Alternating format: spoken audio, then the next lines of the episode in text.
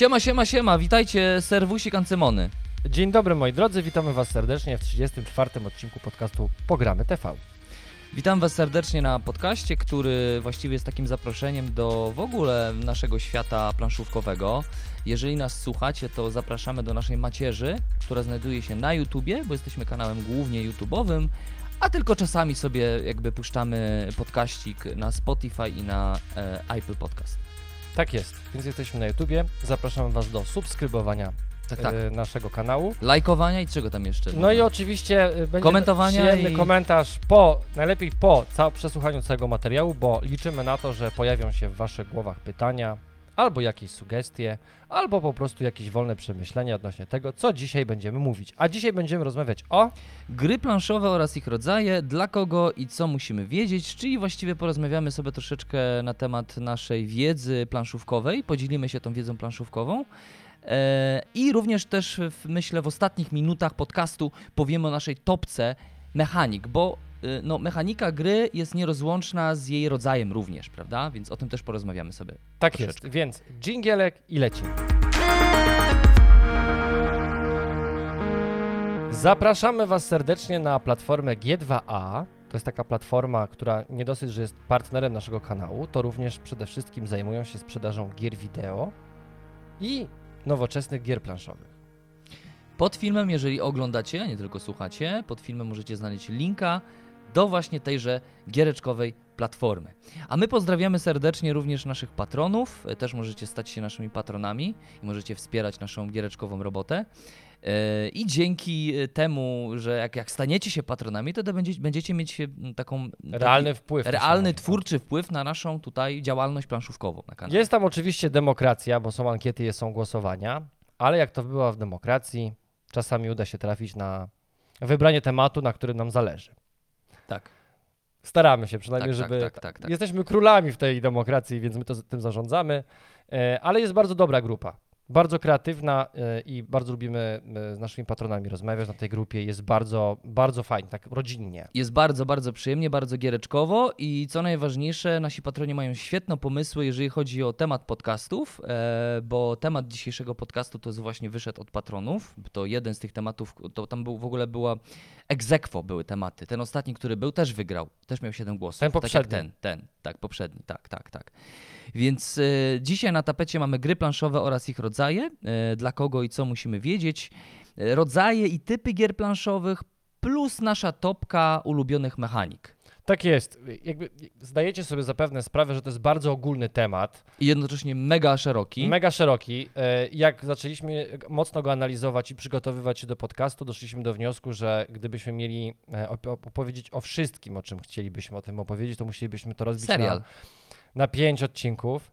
E, więc dzisiaj e, raczej będziemy traktować to jako taki odcinek wprowadzający i tłumaczący, e, jak się gry dzieli e, w, i w jaki sposób grę dobrać do, do siebie albo do mm, osób, którym chcemy na przykład e, te osoby obdarować planszówkami. I też za bardzo nie będziemy edukować, raczej będziemy się dzielić tą taką naszą wiedzą i też będziemy troszeczkę sobie filozofować, bo już jeden taki edukacyjny odcinek powstał na naszym kanale i serdecznie zapraszamy. Teraz powinien, jeżeli będzie mi się chciało to zrobić, to nad moją głową będzie, czy nad Marcina głową będzie taki odnośnik Nad moją.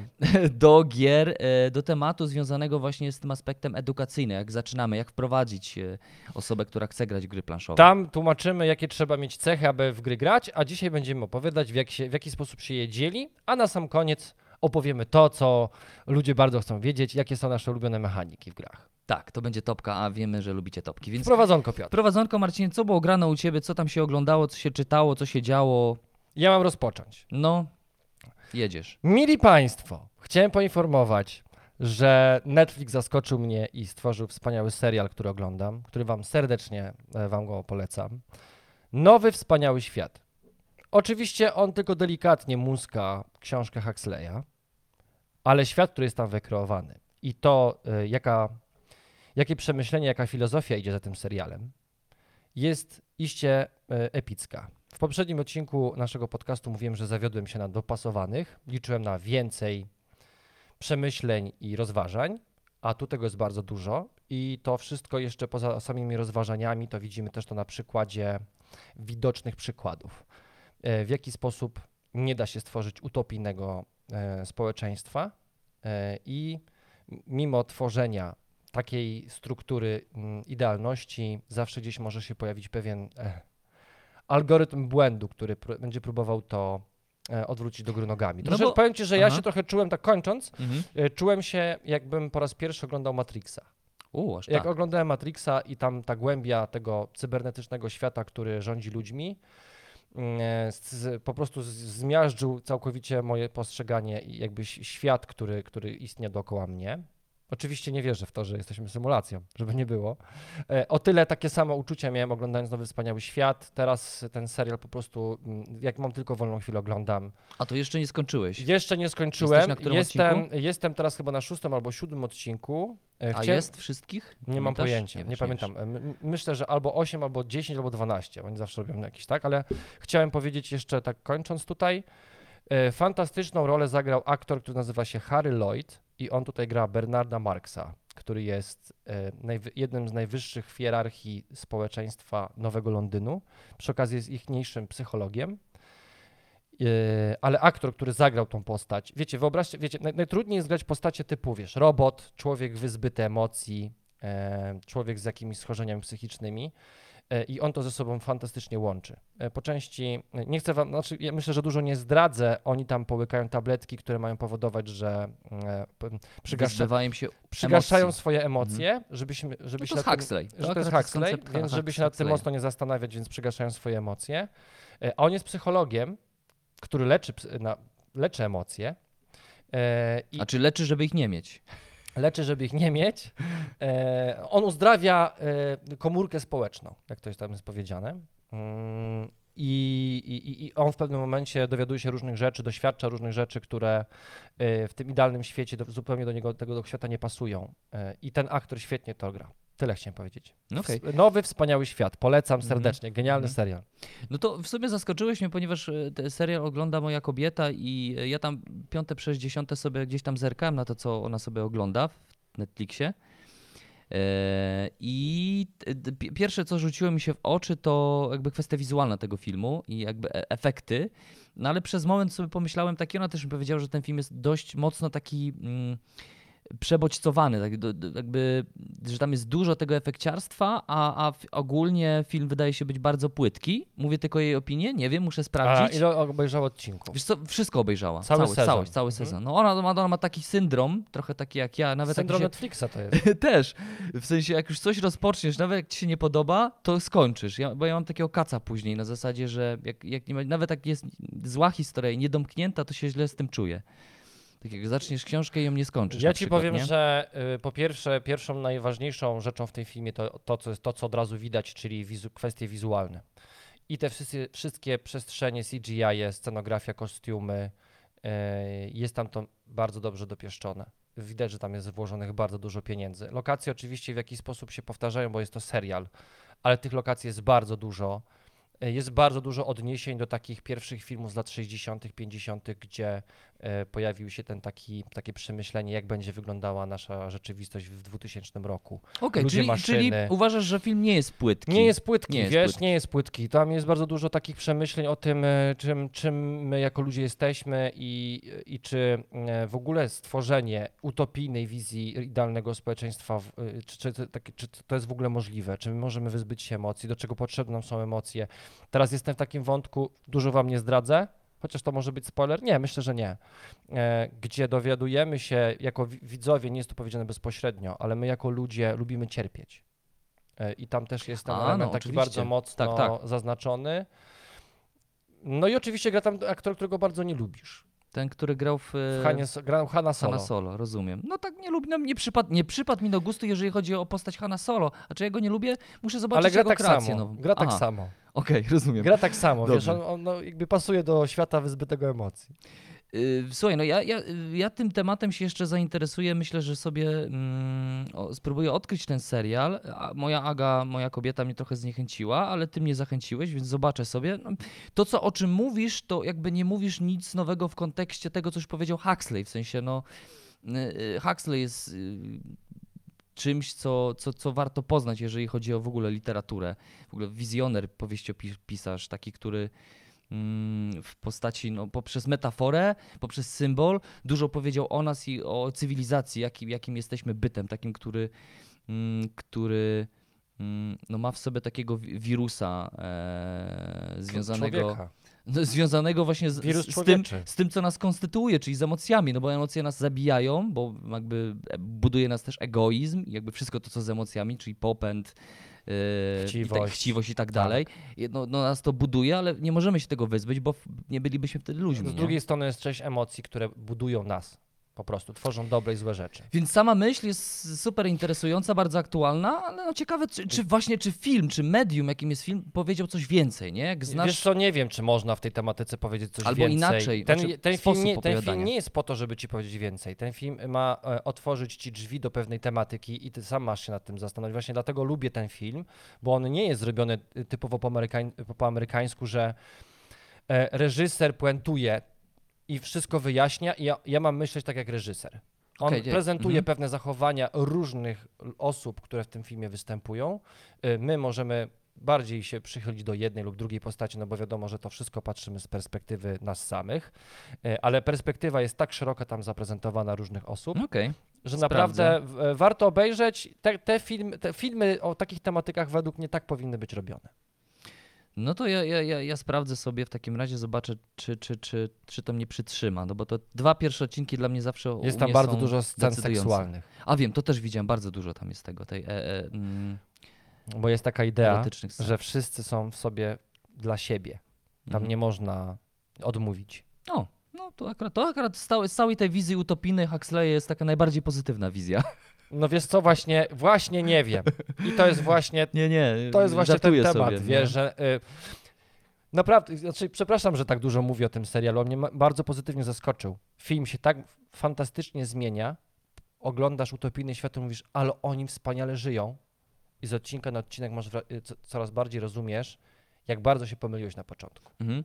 Y, A y, czytałeś Huxleya? Nie. No właśnie, to, y, to, Ale to mnie zachęciło do... to żeby, to, tak. to, to, to myślę, to jest dobry powód, żeby zajrzeć do Huxleya. Właśnie ja z perspektywy osoby, która czytała Huxleya, jestem ciekaw, jak reżyser, jak operatorzy, jak, jak właśnie obraz, jak aktorzy zajęli się tym tematem i co z tego wynika. Czy coś więcej, czy no, to, no Operatorsko, operatorsko nie jest to zrobione jak film e, filozoficzno-artystyczny.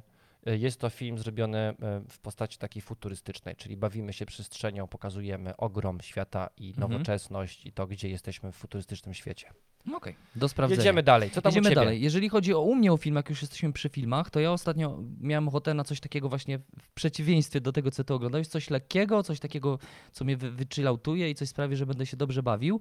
I szukałem na Netflixie, bez pomysłu zupełnie, bo ja mam dwie metody, jeżeli chodzi o Netflixa, Netflixa, chyba w ogóle są dwie zawsze. Albo wchodzisz tam z konkretnym pomysłem, albo improwizujesz, przeglądasz. przeglądasz. Drugiej metody wam nie proponuję, bo można dłużej spędzić niż na, samym, na samej treści którą będziecie oglądać. Ale tak trochę sobie improwizowałem i znalazłem e, film, który nosi tytuł e, Zabijam Tytonów w reżyserii e, Andersa Waltera. Scenariusz na, napisał Joe Kelly. I na film webie jest to określane jako dramat fantazy. I rzeczywiście tak jest, bo na początku dowiadujemy się, że bohaterką jest dziewczynka tam 13, 11-letnia, która, Barbara, która ma duże problemy ze sobą. Jest w ogóle tam licealistką chyba, nie no, lice, w szkole podstawowej jest. E, I, e, I ma duże problemy, jest raczej taka wyalienowana ze społeczności szkolnej, taki dziwak, tak? Mm, taka charakterystyczna postać w ogóle, bo charakterystycznie się odbiera, taki outsider, byśmy powiedzieli teraz, tak? E, No i ona od razu na początku intryguje, bardzo często lubi chodzić sobie do lasu i właśnie polować na y, duże potwory.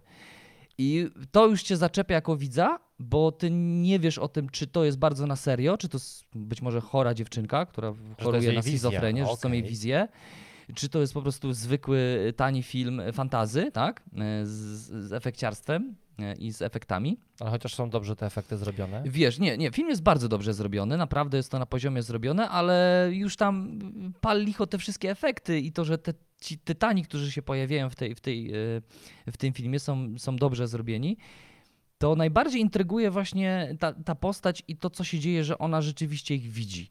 No tu trochę wam już myślę spoileruję, mówiąc, że to jest dramat, no chociaż na filmie, jak sobie zobaczycie, to też w gatunku dramat fantazy, więc to już może wam jakoś nakreślić, ale rzeczywiście jest to jakaś bardziej parabola, jakaś metafora. Y, Ten film jest chyba tam 13+, plus, a ja się dobrze bawiłem, wiesz, i tak naprawdę polecam wam, w sensie, że ja, ja, ten, ja ten film też oglądałem trochę z perspektywy ojca, wiesz, to ojca, który ma, ma córkę. Mhm. I tak y, i, mm, pewnie też trochę sobie dodawałem do tej historii, bo kilka razy się nawet zwróciłem, ale, ale na, naprawdę y, dobre kino, tak, gdzie te efekty są po coś, nie są tylko, to, to nie jest, wiesz, Harry Potter, to, to nie jest kino takie zabawowe, przygodowe, to jest film, który wykorzystuje jakieś elementy ze świata fantazy i robi to w taki inteligentny sposób, bo, bo mówi o jakimś kon- konkretnym problemie, y, takim, y, z którym możesz, do którego możesz się przywiązać, wie, który jest ważny w ogóle w życiu, nie? Więcej nie chcę wam mówić. już. No, wiesz co, ja się troszeczkę z tobą zgodzę. Niedawno słuchałem wywiadu z Raczkiem. I jest coś takiego, co, co w zasadzie jakby utwierdziło mnie w takim przekonaniu, że kino, takie typowe kino, które znamy, umarło.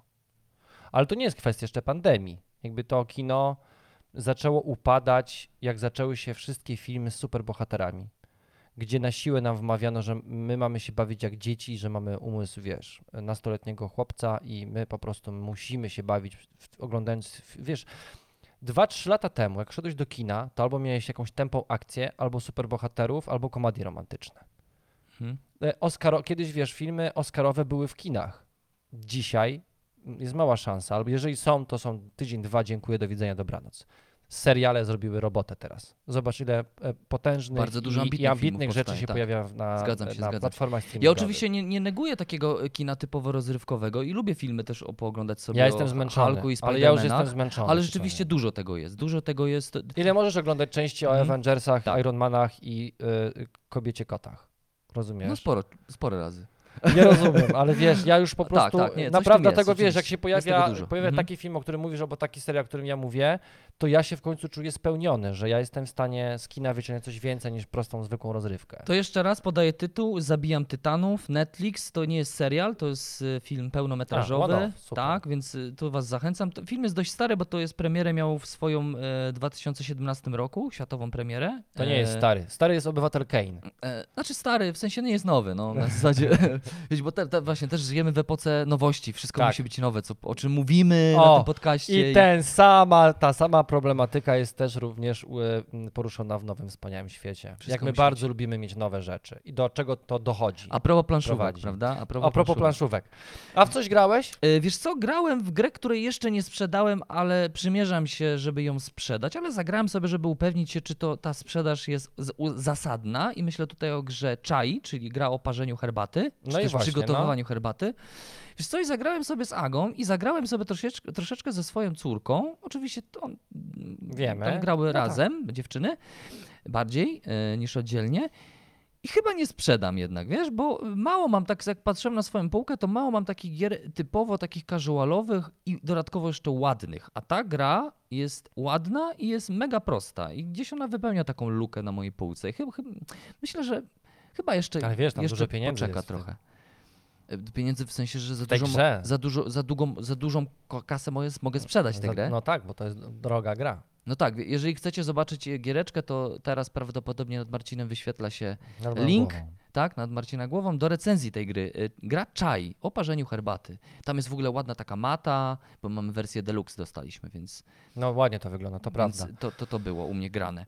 A jeżeli chodzi o granie na przykład gier wideo, bo wiecie o tym, że lubię gier, giereczki wideo, to ostatnio sobie grałem w grę kooperacyjną i tylko kooperacyjną, nie można sobie grać w tę grę solo. Widzisz, też gry takie wideo są, gdzie nie jest zbyt wiele takich gier. Bardzo E, odważny ruch. Znam dwa takie tytuły, tylko są, tyl, które tylko są kooperacyjne i to jest właśnie Take It Two, to jest najnowszy wytwór mm, producentów, którzy stworzyli wcześniej, wcześniej grę o uciekinierach z więzienia.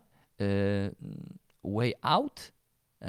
E, już nie pamiętam tytułu. Ale taka że pikselowa taka gra. Nie, nie, nie. 3D, w ekstra, Tak? wiesz, A. triple A, wy- wysoka produkcja, yy, gra tu wymiarowa i wcielamy się w więźniów, gdzie razem musimy mm, kooperować, żeby z tego więzienia uciec. I Jest, jest mega, można grać na split screenie, podzielono ekran, tak jak się kiedyś grało, wiecie, mamy ekran jest podzielony. A to tak się gra. Tak, można A, grać rozumiem, ka- że- kanapowe granie, ale też możemy grać sobie, że ty Online. sobie siedzisz u siebie i gramy sobie online. Ta gra, It, It Takes Two, to jest gra, która przenosi nas w świat taki fantazy. Jest dziewczynka, która dowiedziała się, to też jest bardzo istotna rzecz. Cały czas te dziewczynki, Piotr. Nie wiem, wiesz co? I, I poważne tematy, bo y, temat związany z tą grą, dość poważny temat, czyli temat związany z, mm, z momentem, kiedy rodzice postanawiają się rozwieść. I dziewczynka się o tym dowiaduje Mhm. i ma takie laleczki, bawi się z nimi, popłakała się, łezki spadły na, na te laleczki i sprawiły, że y, rodzice przebudzili się następnego dnia właśnie w tych laleczkach i oni mają przygody. I ty jesteś jedną laleczką, O, cze- a... okej. No i... Ale dziwny temat. Y, Tak, ale wiesz co, super, dlatego że ta gra jest y, y, świetnie Ale skonstruowana. na czym, przepraszam, polega kooperacja tutaj? No, no już ci mówię, na przykład jesteś w pokoju, uwię- uwięziony w pokoju, musisz się dostać do następnego pomieszczenia, e, chodzisz sobie po tym pokoju i rozwiązujesz pewne zagadki logiczne. Na przykład coś musisz wspólnie przesunąć, na przykład jedna postać musi pójść tam, żeby Czyli nacisnąć tymi przycisk. laleczkami gramy, tak? Tak, gramy laleczkami. Okej. Tak, tak, jesteśmy rozumiem. laleczkami i ona na przykład jedna musi coś tam wcisnąć, potem tam musi pobiec, tam musi, musicie kooperować. Bez kooperacji jakby nie przejdziemy, więc to też jest ładny taki przekaz tej gry, że miłość to, to nie jest jakby uczucie, które wiąże ludzi. Miłość to jest praca i kooperacja. Taki jest jakby sens tej. Niby Rozumiem. banalny Nie, przekaz, no. nie? Ale Okej. ważny. No i to, to się działo. u mnie Dobrze, w no to sumie. ja chciałem powiedzieć, że u mnie, jeżeli chodzi o giereczkowo, to ym, tukliśmy wczoraj z żoną urbanistę. Y, czyli tą To jest ta mała gra Lucky, Lucky Duck, Duck Games. Games. To w ogóle super wydania są te małe. I powiem wam, że naprawdę to jest kawał solidnej e, łamigłówki. Bawiliśmy się świetnie. Zrobiliśmy sobie kilka partii tuż przed snem e, i już chcieliśmy iść spać. No to weźmy, spróbujmy jeszcze raz. A dobra, no to jak już, już rozłożyliśmy, to zagrajmy jeszcze raz. I świetnie się bawiłem, więc urbanistę wam polecam. E, I Piotrze, zainstalowałem sobie Red Dead Redemption 2. A, I a powiem ci, W że. ostatnim odcinku mówiłeś, że sobie... y, Że chyba tak i, i się zdecydowałem. I powiem ci, że nie, nie żałuję, bo to jest kawał solidnej, fajnej przygodówki. Mm, No ja- ja na razie przeszedłem, na razie przeszedłem takiego wstępniaczka, gdzie już jestem w tej wiosce i już mogę sobie robić co chcę. Więc przeszedłem ten taki, nazwijmy to sobie prolog. Dużo się działo, wiesz, napadałem na pociąg. E, fajne są zbiegi okoliczności, no i oczywiście grafika jest tam po prostu tak no je miażdy, fantastyczna. miażdy, miażdy. Grafika rzeczywiście Nie mam karty RT, nie mam RTX-a, ale moja karta graficzna daje radę i świetnie to wygląda. Grafika rzeczywiście hiperrealistyczna, miażdy. yy, W ogóle te, te szczegóły tam, jak musisz na przykład oskalpować zwierzę, jak polujesz, to on zosta zwierzę zostawia krew, zostawia też zapach. No, tam jest w ogóle tyle Jak polujesz, to musisz iść pod wiatr. Y, Tak, yy, no jest, No jest, jest dużo, dużo jest dużo smaczków. Naprawdę mega klimatyczna gra. Dość y, długo się rozkręca niestety, ale no co, takie no ale uczysz westerny takie Ale są, no nie? tak właśnie Ogólnie. wiesz, to, to jest to, tak, tak. To, to, to jest właśnie ten y, tyle czasu, co trwało, żeby tam być, żyć. Taki, takie było tempo życia. O. Tak, tak, tak. Więc ja też odkrywam giereczkę. Z takich, y, co będzie grane u nas na kanale, To, to, też będziemy taki blok mieć w podcaście, no co nie będzie wiem, możemy grane? powiedzieć tylko, że niebawem będą prezentacje gry takich jak Zew y, Przygody, Inwestorzy. Tak? E, inwestorzy będą na e, akcji wspieraczkowej, rozumiem, tak? Tak jest. Taka mała, całkiem Pokażemy, przyjemna gra. pokażemy o co chodzi w tej grze i zrobimy może jakiś mały Eee, gameplay na koniec. Ja z jednych takich e, rzeczy, które, o których chciałem powiedzieć, Marcinie, to Galacta ostatnio zapowiedziała rozpoczęcie kampanii gry The Shadow Planet, The Board Game. E, Wystartuje 14 kwietnia. Galacta nie zapłaciła za tę informację, tak żeby było jasność.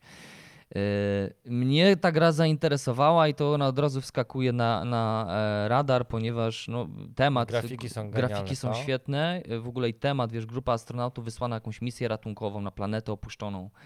E, I robi się taki trochę science fiction horror. Grafiki świetne, one są w ogóle na podstawie dość znanego mm, grafika komiksowego. Mm, Już sobie gdzieś napisałem jego nazwisko, autorstwa, autorstwa, st- e, to jest jakiś Włoch. Myślę, że mogę zaszlachtować to nazwisko, więc wybaczcie. E, Giacomo i Glaucie Santopiero. Święty Piotr. Santo Piero. E, Święty ale Piotr, kom, nie, y, chodzi o y, komiks aut, y, autorstwa Blasteroid Brothers. Okej. Coś Ja takiego. widziałem właśnie te grafiki, ale wiesz, no zobacz fabułę. Ile filmów zaczyna się od tego, że jesteś członkiem misji ratunkowej i lecisz na planetę, która mm, Mnóstwo, Wiesz. Marcin, ja to, ale ja No. to mimo kupuję ten pomysł, nie? Temat mnie kupił jak na razie, zobaczymy co z Połowa fi- wszystkich odcinków Prometeusza i Obcego o tym jest. No i to są nadal dobre filmy, nie? Okej, no dobra. Tak. No i, no i Lucky Duck Games wyda całą serię, Millennium swoją też. E, Ja w ogóle widziałem zapowiedzi Lucky Duck Games, ale jeszcze nie możemy o tym powiedzieć, co tam jest, bo obiecaliśmy, że nie powiemy. Tak, ale informację pewnie Ale dużo gier facebookową już widzieliście dotyczącą właśnie tej serii Millennium. Będzie seria taka rozszerzona, tam futurystyczna i tak dalej, więc ja się cieszę, bo to jest dobra seria. 1900 już do nas będzie płynąć. Właśnie, więc też będzie na kanale. Okej, no to przejdźmy sobie Marcin w końcu, W końcu, po w 30 końcu minutach, do tego głównego tematu, czyli gry planszowe oraz ich rodzaje, dla kogo i co musimy wiedzieć. No i co, jakie są mm, główne, mm, jaki jest główny taki zasadniczy, bym powiedział, nadrzędny podział gier planszowych. A to też ciekawe, ja ostatnio zastanawiam, zobacz, na gry planszowe, znaczy tak, słownictwo, nie, nazewnictwo, są gry planszowe, no ale przecież są też gry, gry karciane. tak, wiem. No ale widzisz, mam wrażenie, że w momencie, kiedy powstawała definicja gry planszowej, no to by, gry miały plansze. Chińczyk, szachy, tak? Więc, No. a że one się rozszerzały, a nadal, no, mm, jakby nie zostało to słowo w żaden sposób przekształcone. No i tak się jakoś potocznie wpisuje, ale są wie- gry karciane, po prostu No- się też no mówi, tak, bo- tak, bo to wiecie, gra karciana. Moglibyśmy wychodzić z założenia, że główne, znaczy tak, my gramy w gry planszowe, które dzielą się na gry kar karciane i na gry, Ja, no tak, wiesz, nie? ja myślę, Nie że po prostu tego gry głównego- planszowe to jest synonim od tego, to są gry analogowe. Tak, bardziej Gry nie wymagające sprzętu elektronicznego. byśmy powiedzieli, a to bardziej może funkcjonuje Co na też jest nieprawdą. Taki, takiego słownictwa, nazewnictwa gry bez prądu na przykład, nie? Co jest nieprawdą już. Bo no właśnie, bo są gry hybrydowe, które wykorzystują no chociażby aplikacje i Także Smartfona. myślę, że to będzie takie potoczne określenie, że Mhm. gry planszowe to jest po prostu rodzaj rozrywki, który powoduje, że osoby muszą ze sobą. gry jakieś- towarzyskie gry po prostu towarzyskie, może najlepszym No ale wiesz, no, gra w butelkę też jest grą towarzyską. A nie jest grą planszową, nie jest grą karcianą. No właśnie, no i się zamykamy. Okej. Tak czy inaczej, y, musimy w jakiś sposób to dzielić i nazywać. Y, gry planszowe to są gry analogowe, nie wymagające od nas y, bardzo często, w większości przypadków, nic poza tym, co dostaniemy e, w pudełku. pudełku.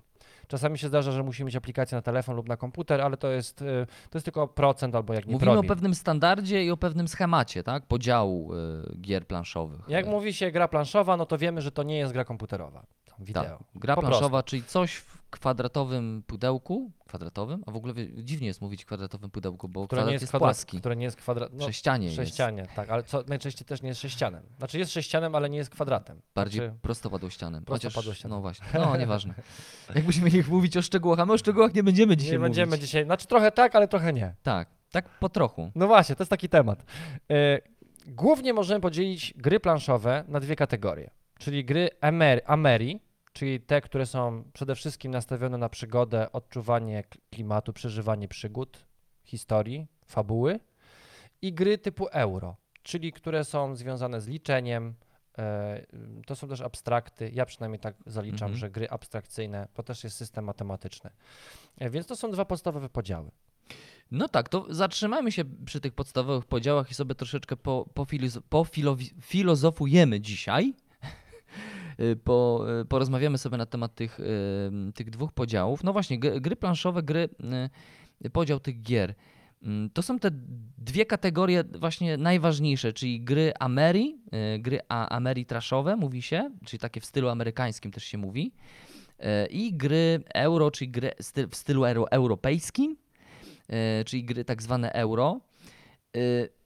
I powiedzmy sobie może Marcin o, o cechach, typowych e, cechach dla gier e, ameritraszowych. Co, co takiego buduje ten, nie wiem, rodzaj, kategorię, gatunek gier? Mm, Ja zacznę, ty dodasz i potem będziemy sobie naturalnie przechodzić. Was oczywiście również serdecznie zapraszamy do czynnego udziału, bo jak sami zauważycie, mm, obecnie nowoczesne gry planszowe i te kategorie, one zaczynają się mocno przenikać ze sobą, zaczynają mocno się nakładać ze sobą i myślę, że już obecnie, mówiąc o nowoczesnych grach planszowych, trudno jest znaleźć, oczywiście można znaleźć, ale coraz trudniej jest znaleźć grę, typową grę, e, e, na przykład typową grę Ameri, która wykorzystuje tylko typowe środki, mechanizmy typowe dla tego typu gier i gry, typowe gry euro. Ale wiesz, Piotrze, to też się mówi tak, że coś jest w przewadze. I tak, tak, że dostajesz jakąś grę i nawet jeżeli ma tam, musi mieć jakąś swoją matematykę. Wszystkie gry muszą mieć jakąś matematykę. Nawet jeżeli my Tak. nie dostrzegamy, to ona tam musi być. Mhm. To i tak chodzi o kwestię co Pewnego przewa- balansu. Co przeważa. Pewnego balansu, Tak? Jeżeli okej. masz więcej e, storytellingu, więcej masz opowieści i podejmowania decyzji Tak, tylko ten, to My mówiąc, mhm, zgadzam się oczywiście i o tym tutaj zauważycie, że jest wiele tytułów, które siedzą i, i są Amery i są też y, euro, eurogrami, prawda? Chociażby gra Site. Gra Site też jest taką grą, gdzie no, jest grą strategiczną, grą, grą, w której chodzi przede wszystkim o kalkulację, o wyliczenia, o system. System buduje tę rozgrywkę. y, Taktyka, strategia, no ale mamy tam też y, mechanizmy typowe dla gier euro, czyli też mamy tam worker placement, taki też nie do końca, bo tam na swojej planszetce ustawiamy, aktywujemy pewne akcje kosteczkami, nie? To taki niby worker placement. No, nie, nie wystawiamy pionków, które nam coś dają i przychodzą do nas, jak w typowych takich grach mm, worker placement, no ale jest. No i, no i temat, świetny temat, zaprojektowany i zainspirowany y, malarstwem y, mm, Różalskiego, tak? Różalskiego, ale Jakuba. widzisz, ale, ale, ale temat. Ale no temat, ale jednocześnie i strategia i system, nie? No ale y, przez to jest zbudowany świat, w którym istniejemy, wiadomo. Przejdźmy sobie, słuchajcie, gry euro, nie, gry Ameri, może zacz- zaczniemy sobie od tej, myślę, prostszej ta, y, kategorii. Mm, Cechy typowe dla gier, euro. Mm, Gry, Ameri. Ameri. y, No, myślę o grach euro, nie wiem dlaczego. Y, Gry Ameri.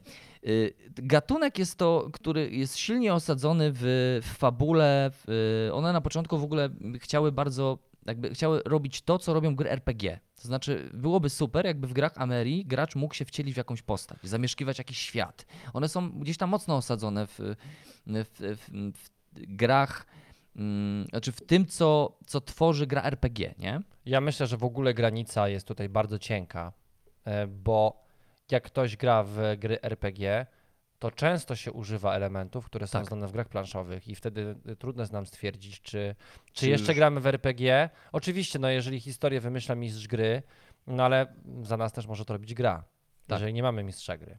Więc ta granica jest bardzo cienka pomiędzy e, grami e, fabularnymi a, a grami Ameryk planszowymi.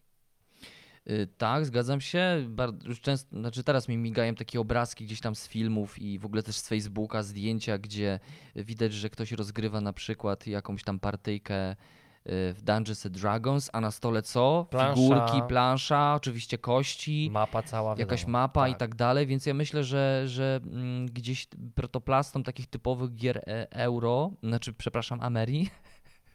Nie, co dzisiaj. Tym Może po bardziej, prostu że- chcesz ja, zagrać. ale nie, tym bardziej, że jestem jakby Ameryk Traszowiec, ja powinienem o tylko o tych grach gadać, nie? Gdzieś mi wchodzą mocno z tyłu głowy. Y, No właśnie, więc jakby widać, że gdzieś protoplastą być może gier Ameri y, były właśnie gry ym, RPG. Y, Znaczy ja myślę, że to jest naturalna ewolucja. No. Chcieliśmy po prostu. y, to- Ja myślę, że to powstało dlatego, że y, chcieliśmy zagrać w tego typu gry, ale nie mieliśmy mistrza gry, który mógł do nas przyjść. mhm. No i po prostu stworzono system, który pozwala to robić. Część gier wykorzystuje tylko i wyłącznie to, co gry analogowe posiadają, czyli karty, nie wiem, księgę z paragrafami, jakieś przypisy, nie wiem, zdrabki, różnego rodzaju, nie wiem, testy z potworami, rzucanie kostkami, budowanie swoich postaci. No, część gier wykorzystuje do tego aplikacje, żeby zastąpić tego mistrza gry, ale nadal posiadamy to, co te gry analogowe mieć powinny. Więc no, myślę, że to jest chyba naturalna ewolucja gier e, fabularnych do tego, żeby móc grać bez mistrza gry. No właśnie, y, gry Ameritraszowe y, bardziej też skupiają się mniej na systemie, a bardziej na możli- takim szybkim, y, w szybkiej możliwości dla gracza, żeby on poczuł klimat i, i świat, który, w którym się rozgrywa dana przygoda, bo właśnie kwestia przygody jest bardzo istotna w grach Ameri, tak? Więc y, dzieje się to bardzo często kosztem mechaniki, która te gry z reguły są y, dużo prostsze systemowo od gier euro. To prawda. Ja myślę, że właśnie to jest właśnie plus tych gier, że dużo więcej osób może zagrać w grę tego typu przygodową niż w grę euro. Tak. Mhm. Dlatego myślę, że też jest dużo więcej fanów gier przygodowych. Mhm. No bo z na- naturalnej rzeczy, że coś jest łatwiejsze i, i ciekawsze, no bo też strona wizualna jest istotna w tego typu grach, Tak. prawda? Jest jakby nieodzownym elementem całego budowania klimatu jest kwestia graficzna. No więc jeżeli tak jest, no to jest też więcej graczy e, e. Mhm. Tak. No tak, na, na powierzchni gier e, zawsze jest ten klimat, zawsze jest właśnie to wszystko, co buduje wizualizację gry, czyli no, figurki y, mega ekstra, plastikowe figurki, takie stworzone idealnie do malowania.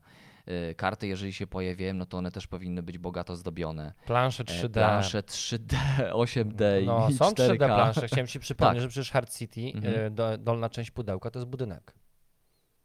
Tak, tak, rzeczywiście. Jest no. to, mm, no tak, tak. Figurki, no wszystko to, co buduje kwestię wizual, wizualną na To są wszystko elementy, słuchajcie, Mhm. gra, gry przygodowe przede wszystkim mają stworzyć nam świat, w którym mamy e, istnieć. My mamy w ten świat uwierzyć.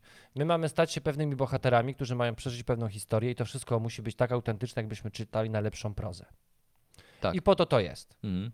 Czyli Po gry, nic więcej, gry- według mnie. Mhm, gry Amerii, e, gry mają stwarzać jakąś symulację jakiejś rzeczywistości. Mamy się wcielić, w stanie mamy się uwierzyć, wcielić, w, mamy wejść w jakiś świat, być częścią pewnych przygód, podejmować decyzje i wynik tej całej historii ma być związany z naszymi, podejmo- Mhm. z naszymi decyzjami. Systemowo są to gry proste, ale też bardzo często schematyczne i powtarzalne w konstrukcji. Z reguły takim najbardziej charakterystycznym, ale też nietypowym, a być może typowym właśnie dla, dla takich typowych amerytraszowych gier jest kość i los. Tak, że, no, że o, o testach, testach w tych grach decyduje, y, mm, decydują kości, które możemy ten wynik modyfikować poprzez bardzo często umiejętności swojego Tak. bohatera. Czyli jakiś tam aspekt Przedmioty. modyfikacji, mm, no jakieś tam zbieramy sobie jakieś tam elementy, które nie wiem, zebrałem sobie na przykład miecz, który sprawia, że tam on działa na moją inteligencję w jakiś magiczny sposób i mogę Niech będzie.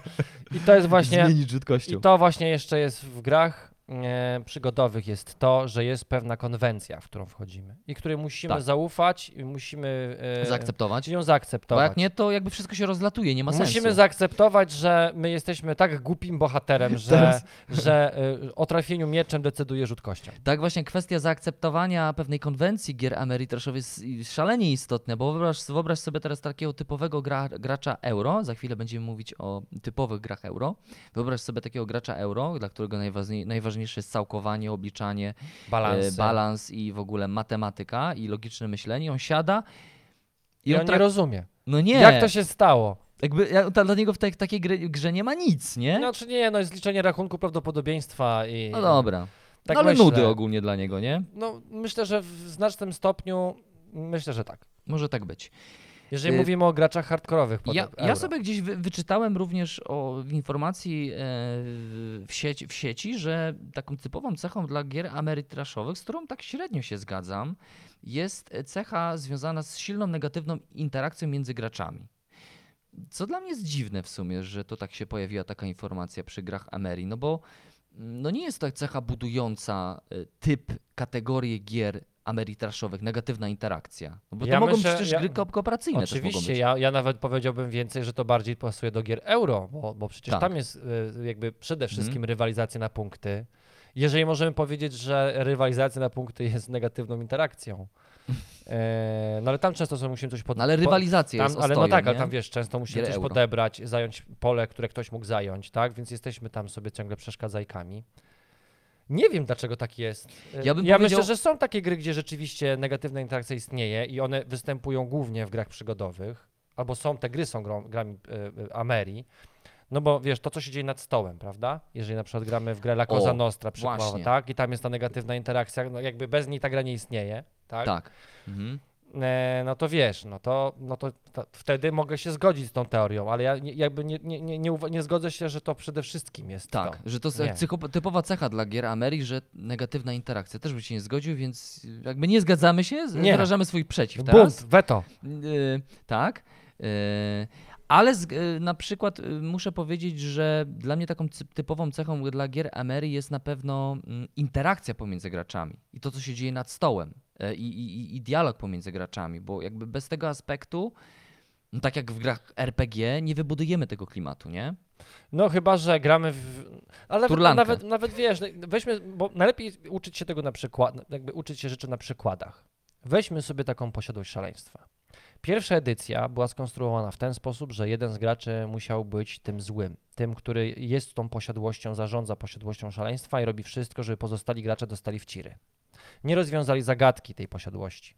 Druga część e, posiadłości szaleństwa została wyzbyta tego i tej negatywnej interakcji, o której ty mówisz, na rzecz aplikacji. Czyli aplikacja jest naszym wrogiem, my kooperujemy i próbujemy przetrwać. No wrogiem, nie wrogiem, ona buduje grę, aplikacja, nie? Mistrz gry to jest. No ale to jest ta negatywna interakcja, z którą my się spotykamy jako gracze, czyli pewne przeszkody, które są, no nie są dla nas miłe. Mhm. Bardzo często dają nam w kość, często też powoduje, Okej. że po prostu przegrywamy. E, więc e, i, to jest bardzo dobry przykład takiej gry przygodowej. Każdy z nas staje się badaczem. To jest w świecie, świecie Cthulhu, tak, Lovecrafta. Mhm. Jesteśmy badaczami, mamy swoje cechy, rzuty są kośćmi, wszystkie Musimy testy. odkryć jakąś tajemnicę, chodzimy sobie po planszy. Ustalamy, gdzie kto ma pójść, kto kogo Mhm. będzie chronił, decydujemy, kto w jakiej kolejności pójdzie, żebyśmy jakby jak najlepiej mogli zarządzać tymi swoimi akcjami. Oczywiście jest tu matematyka, bo mamy określoną liczbę akcji, co możemy Jest zrobić w tej grze. jakaś, jest tak, taktyka, Jakaś. którą możemy Mhm. wykorzystać, ale nadal jest to strzępek tego, co tak naprawdę w tej grze chodzi, bo głównie chodzi o to, żebyśmy się tak naprawdę rozejrzeli, tam dotknęli, to przeczytali, to przeczytali. E, No i wszystkie, e, wszystkie rzeczy, które w tej grze się dzieją, trzeba czytać. Tak, tak, jest. No albo aplikacja czyta za nas, wtedy nawet nie musimy być o, To jest, personą to, jest, czytającą. to jest straszne, nieumiejętność czytania. Tak, więc no, No, jest tam więc to. to jest Mhm. taki, według mnie to jest najbardziej, taki najbardziej mm, topowy przykład gry przygodowej. Jest, no i dla mnie takim y, przykładem też y, gier, y, gry typowo ameritraszowej jest chociażby Martwa Zima. W ogóle polecam wam Martwą Zimę, gra rozdroży.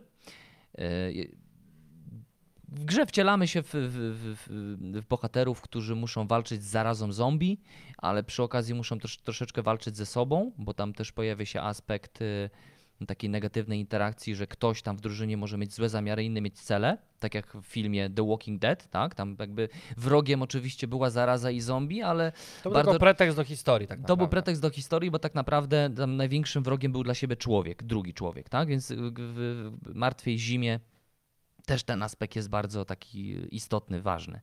Bo tam dzielimy się zasobami, musimy składać, jakby zbierać jedzenie i tak dalej. Mm, No i dla mnie to też jest gra, y, w której najważniejszy jest klimat, właśnie ten klimat wielkiej apokalipsy zombie, świata, który został opanowany przez wirusa, ale jednocześnie no, pojawia się ten aspekt taki związany z ekonomią, prawda? Musisz zbierać surowce, które powodują, że możecie przetrwać w tej, Musimy- w tej zamknięciu. Dokładnie. Jest konkretny cel, tyle, tyle i tyle trzeba zebrać, bo jeżeli tyle i tyle nie zbierzemy, no to po prostu No to wymieramy. ktoś, ktoś nie? będzie ktoś, musiał, ktoś będzie ktoś głodował. odpaść, nie? Yy, No ale Amery, klimat, a jednocześnie ten aspekt taki ekonomiczny, gdzieś tam taki logiczny, y, również bardzo istotny, tak? No i gra nad stołem. Jedną z e, ciekawszych pozycji takich stuprocentowo przygodowych, no to przecież jest cała seria Time Stories, Mhm. która przede wszystkim polega na tym, żebyśmy odkryli tajemnicę tego, co się dzieje. My podróżujemy w czasie i rozwiązujemy pewne zagadki. Gracze ze sobą muszą bardzo dużo rozmawiać. Mało tego, gra zmusza nas do tego, że e, część kart nie możemy pokazać, tylko musimy opisać, co widzimy. Tak. No bo jak pokażemy, to jest tak, jakby on był nami, a No to nie, chodzi a o to, że my jesteśmy w pewnej sytuacji Tak, i tak. musimy innym przekazać, co widzimy, bo my weszliśmy w daną postać, która gdzieś podróżuje w danej przestrzeni. E, Przykładów gier przygodowych jest, jest cała masa. E, I niektóre nie są jednoznaczne, bo zauważ na przykład, mówiąc o Emery, bardzo często z tyłu głowy mamy, y, mamy figurki, y, które za chwilę możemy sobie pomalować. A nie zawsze gry Ameritraszowe to gry, w których mamy figurki, bo na przykład gra karciana, jaką jest Arkham Hor- Horror LCG, w ogóle świetnie, mega klimatyczna gra. Niektórzy mówią, że najbardziej klimatyczna gra wszechczasów. Mm, Właśnie e, Arkham Horror LCG wydany przez Galaktę w naszym kraju. No tam się właśnie wciela, wcielasz w badacza, e, jesteś badaczem, gra oczywiście oparta o całą tam mitologię Cthulhu i tam gdyby nie ten klimat, to tej gry też by nie było, nie? Jakby y, ta gra sprawia, że w łatwy, prosty sposób możesz sobie przejść grę fabularyzowaną, trochę imitującą grę RPG, znaczy trochę bardzo dobrze to robiącą, no ale nie masz figurek, nie? Więc jakby to też jest takie mm, płynne bardzo i dość niejednoznaczne, że gry Amery nie muszą mieć figurek. Nie, no to główną cechą, to co powiedzieliśmy wcześniej, jest to, że jest nastawienie na przeżycie przygody. Klimat, klimat, klimat. Klimat, klimat, klimat. Ma ładnie wyglądać, ma mie- mieć ciekawą historię. My mamy się w kogoś wcielić i przeżyć przygodę. I jeszcze raz przeżyć przygodę. Tak. y, I, I, przeżyć przygodę. i przeżyć przygodę i do, przede wszystkim wcielić się w rolę jakąś. E, to, to, to na pewno. E, kolejny niejednoznaczny tytuł, a też gra Ameri, e, na przykład e, Wojna o Pierścień. Gra strategiczna, wiesz. Tak jak w Star Wars Rebellia. No okej, masz figurki i tak dalej, no, no ale dobrze, też strategia. Ale to, no i... tak, no ale to jest właśnie, teraz wiesz, to jest to już, to już to, że jest właśnie, że te wszystkie granice tego, tych podziałów, tych szuflad, to jest, ja już mam wrażenie, że to jest jedna wielka szuflada po prostu Mhm. gier, tak? I ciężko jest to tak podzielić, żebyśmy już, no, czy ta gra jeszcze już jest jeszcze Ameri, czy już jest bardziej Mhm. hybrydową grą? W- Wiesz, nie da się tego podzielić, no bo różnie, to, z drugiej strony mogę ci podać przykład Nemesis, tak? Gra, która tak obcieka y, y, tym złym, takim horrorowatym, thrillerowym klimatem, połączona z liczeniem opcji poruszania się po planszy i wykonywania akcji tak, żeby przetrwać i przeżyć. No tam, tam jest masa, masa jakby aspektów związanych z losowością, To jest gra albo euro i tak dalej, ale jednocześnie ten aspekt takiej Jest historia. strategii, jak iść, gdzie iść, jak to zrobić, No właśnie, poobliczyć sobie, ale czy nadal... mi starczy kart, Tak, nie? ale nadal masz to, że, y, że są obcy, że, two, że, że wiesz, że, czy, czy przetrwasz, czy nie. Tak. Cała historia w ogóle też nie jest tworzona na kartach, tylko to pomiędzy tym, co się dzieje na planszy. No dobra, to mimo wszystko jest bardziej Amery niż euro, ale posiada w sobie Według również mnie elementy jest bardziej euro. euro. O, O, tak? No, według mnie tak, bardziej. No, To, że ma figurki, wiesz, no równie Mhm. dobrze to tam mogły być, nie wiem, pionki z drewna. no to, to zaskoczyłeś mnie. a Dla mnie na przykład bardziej grą euro. Ale, ale wiesz, tam y, ta losowość jest Mhm. bardziej, ta, ta losowość bardziej, y, znaczy, mm, gdyby tej losowości było mniej, to mógłbym powiedzieć, że to jest gra stuprocentowo euro, bo po prostu musisz wyliczać No e, właśnie. co, gdzie, jak pójść, gdzie jest hałas, ale przez to, że tam jest tak dużo losowości, która jest usprawiedliwiona. To nie jest to gra jest, jest, jest usprawiedliwiona poprzez, e, poprzez e, świat, w którym istniejemy, który jest nieprzewidywalny i losowy. Nie da się Mhm. tego w żaden sposób, e, więc to jest gra przygodowa z elementami euro, więc to jest taka nowoczesna gra, taka hybrydka, takie połączenie. Takie, Właśnie, no. to ja chimera. bardziej. Czyli jednak skłaniałbyś się bardziej ku, ku grze, Dla mnie, hybrydowej. dla mnie to jest Nie- gra hybrydowa. No ja przez to, że lubię gry euro, widzę tam więcej y, sprób, prób liczenia tego, e, Mhm. ale no nie da się wyzbyć tamtego klimatu. No. Y, Drugi taki dość kontrowersyjny przykład, Gloomhaven. Y, Gloomhaven gdzieś tam no, jest grą rozpoznawalną jako grą y, typowo przygodową, gdzie będziemy kolejne scenariusze przechodzić, będziemy mieć swoje zadania, mamy Tak, bohaterów ty. i tak dalej. Y, Oczywiście ten aspekt jest istotny w tej grze, fabuła jest istotna, jest jakiś świat, który zamieszkuję, do- dodatkowo dość oryginalny. Jeżeli jesteście zainteresowani, to zapraszamy Was na naszą prezentację tej gry. No ale mimo wszystko z rdzenia y, systemu jest to gra euro, gra taktyczna, strategiczna, gdzie no y, tak manewrujemy swoimi postaciami na planszy, to są takie pionki talią na kart szachownicy Talią kart i talią kart, która z naszym życiem mm, I no, umiejętnościami. i jedno- umiejętnościami I wykonywanymi akcjami bardziej. tak, prawda? więc tak musimy sobie zarządzać e, tymi kartami, żeby, żeby, żeby w ostatecznym rozrachunku no, wygrać grę, tak? Przeżyć i wygrać. Przeżyć i, i wygrać scenariusz jakiś. Więc wiecie, jak widzicie, te podziały są bardzo płynne i to w, w, tak naprawdę dzisiaj, w czasie, w którym jesteśmy, to wszystko w jakiś sposób się, e, się miesza, ale musicie pamiętać, Ameri to jest przygoda, euro liczenie. Tak. Przejdźmy do gier euro. Tak, tak, tak, tak. Ja się chciałbym wypowiedzieć w tej tematyce, Mhm, Ameri. bo ja bardzo sobie- lubię gry euro. Gry euro to są, no oczywiście gry euro są stawiane w opozycji do gier amerytraszowych, ponieważ tutaj cechuje ją przede wszystkim taką, e, tak, takie gry, mechanizm i system E, Liczenie. i liczenie, obliczanie. I gra na punkty, proszę Państwa. Tak, tak, tak. I gra przede wszystkim na punkty. Mhm. Przede wszystkim chodzi o to, żebyśmy system mechaniczny w grze symuluje pewien świat, w którym jesteśmy, który nadaje nam tylko taki pretekst do tego, żebyśmy się próbowali w coś, w kogoś albo w coś wcielić. Wcale Ale- nie musimy. Wcale nie musimy, ale głównym, no bo gry abstrakcyjne nie mówią nam o niczym, ale musimy liczyć, układać i te sprawy. Ale przede wszystkim, moi drodzy, musimy liczyć układy, y, y, całkowanie robić, funkcje, Mm, no, różniczkowanie. gruba matma, gruba matma. Nie, żartuję. E, przede wszystkim jest to nastawione na, na, na obliczanie jak najlepszych ruchów, tak, aby zdobyć w danej turze Są jak to gry logiczne. punktów. Po prostu. Ja bym powiedział, oczywiście to też jest znów jakaś, mówiąc o grach logicznych, mówię e, tak paradoksalnie znów o jakimś pewnie typie czy podtypie gier. Czy gry logiczne, gry abstrakcyjne, ale tak w wielkim skrócie rzeczywiście gry euro to są jakieś abstrakty, y, które są grami logicznymi, bo tam musimy łączyć ze sobą jakieś elementy, Yy, tak jak na przykład w grze w szachy, jakby wykorzystujemy pewne elementy, poruszamy się według jakiejś zasady po to, żeby zdobyć punkty, tak? Wygrać. Żeby wygrać po prostu. nie? Najczęściej. Najczęściej, tak. W Są, 99,99%. są to gry rywalizacyjne, tak, zdecydowanie. Yy, które stawiają przede wszystkim na mechanizm, bo im ciekawszy mechanizm, czyli ta cała układanka logiczna, bo to są takie puzzle, tak mówiąc w wielkim skrócie oczywiście, metaforycznie mówiąc, że gry euro to są jakieś takie puzzle gry logiczne, że łączymy są pewne elementy, które sprawiają, że coś tam otrzymujemy i wtedy jak otrzymujemy, to są endorfinki, jest uśmiech, jest, jest jakby... Tak, w tych, dobrze. w tych grach najczęściej zdobę, zdo, z- m, jakby mm, wejdziemy w zupełnie inne zakamarki e, świat, światów przedstawionych. Bo To jest w ogóle inny typ zabawy To jest zupełnie inny typ zabawy, bo my najczęściej w takich grach, zaczniemy sobie od klimatu, w takich grach najczęściej jesteśmy zarządcami jakiegoś miasta, zarządcami jakiejś wioski. A mówisz o teraz popularnych tema tematach No dla to, co, gier? to, co wystaje, euro. tak, ale to chodzi o to, że te światy, Rolnictwo, rolnictwo, y, jakaś osada, budujesz metropolię. ekonomia, wożenie węgla, tak. prawda, budowanie jakichś statków, sprzedaż, kupno. No wszystko to, co wam się Rynek. kojarzy z ekonomią, z przedsiębiorstwem, ale nie zawsze, bo są też Oczywiście- nietypowe tematy. Oczywiście, że nie zawsze, ale głównie gry właśnie z tego słyną, że tu jest wszystko kwestia y, y, przeliczalności. Y, jest mniej losowości, występuje oczywiście losowość. Im mniej losowości, tym lepiej dla takiej gry, nie? Bardzo często. No, E, bo a, więcej jeżeli, decyzji. a jeżeli występuje, no to gracze bardzo lubią e, zarządzać tą losowością, czyli mieć wpływ na, na wyniki, które wyst- występują.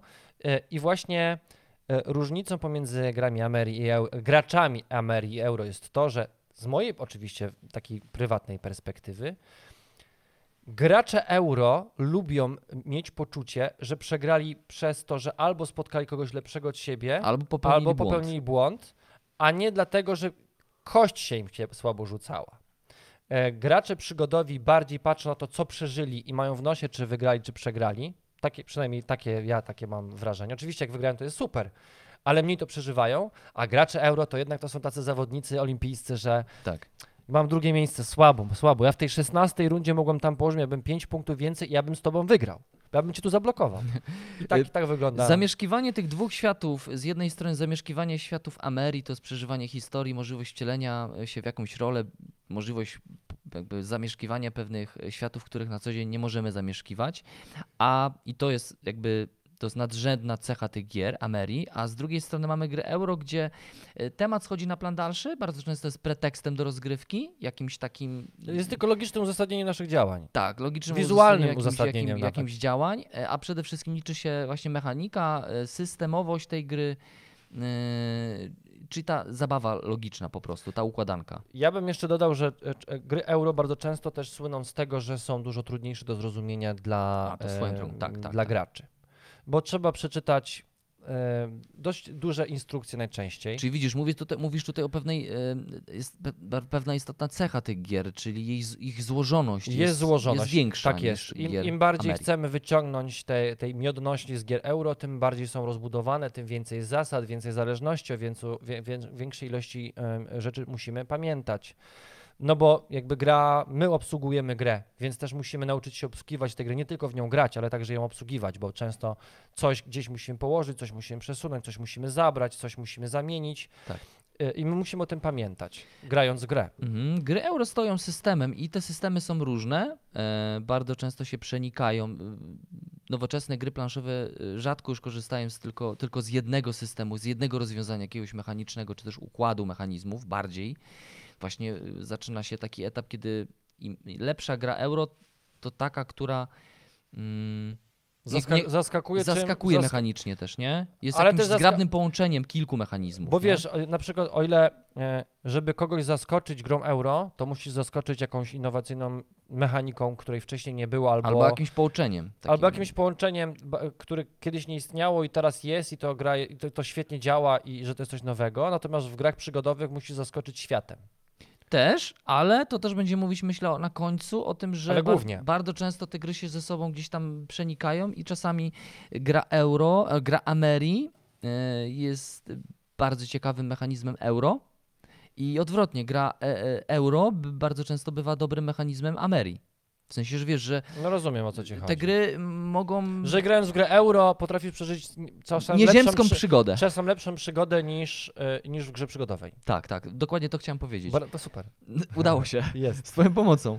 E, E, Myślę, że chyba jakby ten podział mamy. A powiedzmy sobie, myślę o jeszcze? takich jakichś typowych mechanizmach dla gier euro, bo na przykład takim typowym mechanizmem, z którym na pewno się spotkacie grając w grę euro, albo na przykład wchodząc dopiero w, w ten nasz planszówkowy świat, to myślę, że y, taka konkretna cecha związana z grami euro to jest na przykład system worker placement. On bardzo często jest, y, co jest błędem, bardzo często jest synonimem, w sensie, że dla niektórych gra euro to, gry, to gra worker placement, co nie jest prawdą, bo worker placement to jest pewien mm, system, mechanizm, który może być wykorzystywany ch- w grach euro, ale nie musi być. Więc to nie jest, nie jest to synonim. A często Mm, bywa. To chodzi nie? po prostu o to, że posiadając żeton, kładąc go na planszy, Albo pionek. albo pionek, no, no nie wiem, co, Figurkę, cokolwiek, drewienko, obcięty paznokieć. Kładąc pewien element gry w danym miejscu, uruchamiamy jakąś y, akcję. coś, co się, co się wydarza w grze dla nas, dla całej gry i to jest worker placement. Tak, dlatego worker, bo tam z reguły są robotnicy i tych Zaczęło się robotników- od tego, że kiedyś po prostu był, był robotnik, który szedł po pszenicę i przynosił pszenicę. To taki proletariacki temat To bardzo, prawda. nie? Bardzo nienowoczesny dzisiaj. Yy, tak, więc yy, no, a przykładami takich gier jest chociażby na przykład gra wydana przez Phalanx yy, Toskania, a takim najbardziej takim, takim dla mnie protoplastą yy, gier yy, worker placement, placementowych jest gra yy, yy, Lords of Waterdeep, nie? Taki typo, typowy przykład gier yy, worker placement. Aria Control też bardzo często kojarzona z grami euro, gdzie musimy, mamy obszar, planszę z reguły mm, podzieloną na jakieś, jakieś sektory i w grze chodzi o to, żeby zdominować pewien sektor. A jak będziemy dominować, to pewnie będziemy, tak jak w Small World, zdobywać jakieś tereny, prawda? Dominację tymi teren, terenami i dzięki temu będziemy punktować. E, zarządzanie kośćmi. Jak na przykład e, w grze Merlin pana Felga. Ganges na w przykład. Gangesie.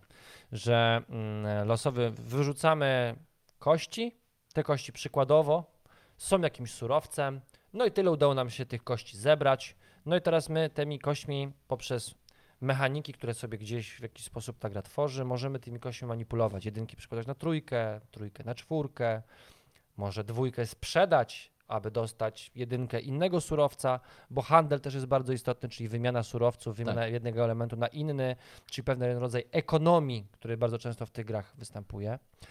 E, Myślę, że w tego typu grach bardzo ważne. e, Ja bym w ogóle, wiesz co, bo powiedziałeś o tym, że bardzo często, work, że mówi się, że gry worker placementowe są grami euro. Ja uważam, że to są gry ekonomiczne.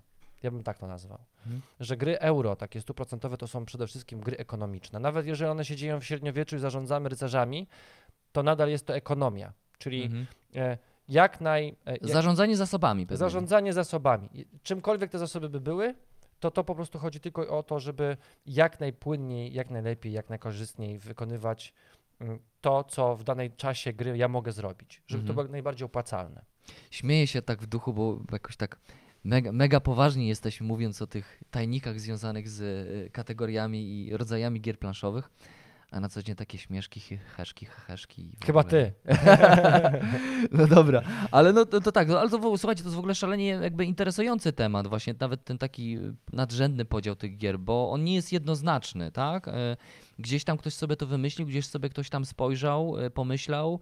My w ogóle jako ludzie, jako cywilizacje lubimy pewne rzeczy nazywać, uszeregować, uporządkować, bo wtedy czujemy się bezpieczni po prostu w taki, To jest nat- naturalny mechanizm naszego mózgu. Więc my to robimy, ale bardzo często jesteśmy też y, jednostkami, które przełamują pewne schematy i, i na szczęście tak też dzieje się z grami. Bardzo często te schematy są przełamywane dzięki temu otrzymujemy oryginalne, nietypowe gry Euro-Ameri, tak? Połączenia, jakieś hybrydy, bo na przykład dla mnie taką hybrydą jest również gra Sight.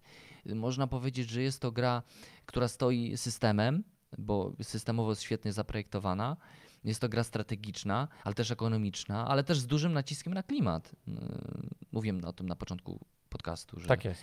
że no, yy, wizualizacje Jakuba Różalskiego robią robotę i tam wszystko jest ładnie uzasadnione tak? i robi rzeczywiście klimat. No i tam możemy odczuć ten klimat, chociaż paradoksalnie nie jest najważniejszy w tej grze, nie? Więc Ja myślę też, Mamy że, hybrydy ja myślę, że większość w ogóle gier, które dzisiaj wychodzi, czy to będą Ameri, czy Euro, bardzo mocno stawia na to, żeby jednak ten klimat był. Żeby co, Mhm. jakiś świat, jakaś historia Tak. w tym wszystkim była. Nawet jeżeli weźmiemy sobie taką typową grę euro, mówię tutaj o zdobywcach kosmosu, którą Mhm. udało nam się wydać, która niedługo ruszy ze sprzedażą. Bo Tak. Niedługo się jakby my, my, my kończymy z tym tytułem, więc lada moment i, i Tak. już go nie będzie. Tak, my też zamykamy oficjalnie wydawnictwo, prawda Marcin? Nie możemy chyba to oficjalnie Znaczy, powiedzieć. na razie, Znaczy, na razie samo taki- się zamknęło. Na razie jakby nie będziemy dać więcej gier, po prostu. Tak, na ten moment, więc słuchajcie, Zdobywcy Kosmosu teraz pokazuję, jeżeli oglądacie, to widzicie naprawdę bardzo ładne pudełeczko, ładnie jest skonstruowane. I to jest gra, no, no gra euro mimo wszystko, no ale też z ładnie uzasadnionym y, y, tematem, prawda? No bo No, mamy zdobywców kosmosu, No i tych- właśnie mi o to chodzi, że dzisiaj każda gra będzie chciała stworzyć jakąś przygodę dla nas. I czy, i, wiesz, no bo też my musimy też pamiętać o tym, że dla jednej osoby zabijanie smoków e, i walczenie z wielką epidemią w pandemiku jest wielką przygodą, a dla innych będzie przygodą e, na przykład budowanie samochodów Kanban. Mhm. To też może być przygoda. Dla niektórych nawet y, przygodą, coś dziwne, dla niektórych przygodą może być nawet y, zbieranie y, kart i kolekcjonowanie kart y, w Splendorze. E, Dla niektórych wielką przygodą może być kupowanie domów, hoteli i e, wymienianie się kartami posiadłości.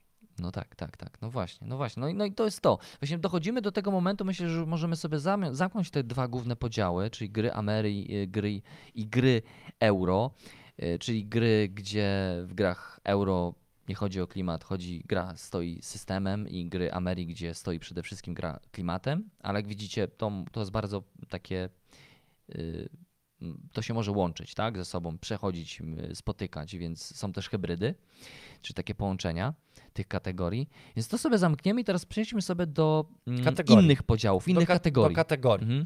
To wszystko, co przed chwilą usłyszeliście, będzie oczywiście powiązane z tym, co my teraz powiemy, ponieważ te, te, te dwa bloki e, jeszcze dzielą się na kategorie, czyli dla kogo one są tworzone. Czyli myślimy tutaj o adresatach O, też. o adresatach, czyli najczęściej albo I o, grupach, rodzaju zabawie, zabawy też, albo nie? o grupach wiekowych, albo o doświadczeniu w gra, z grami planszowymi. I, I tego, czego oczekujemy od tych gier. Czy przede wszystkim zabawy, czy zabawy i edukacji, czy tylko edukacji, yy, czy po prostu chcemy imprezę i jakby... Dokładnie.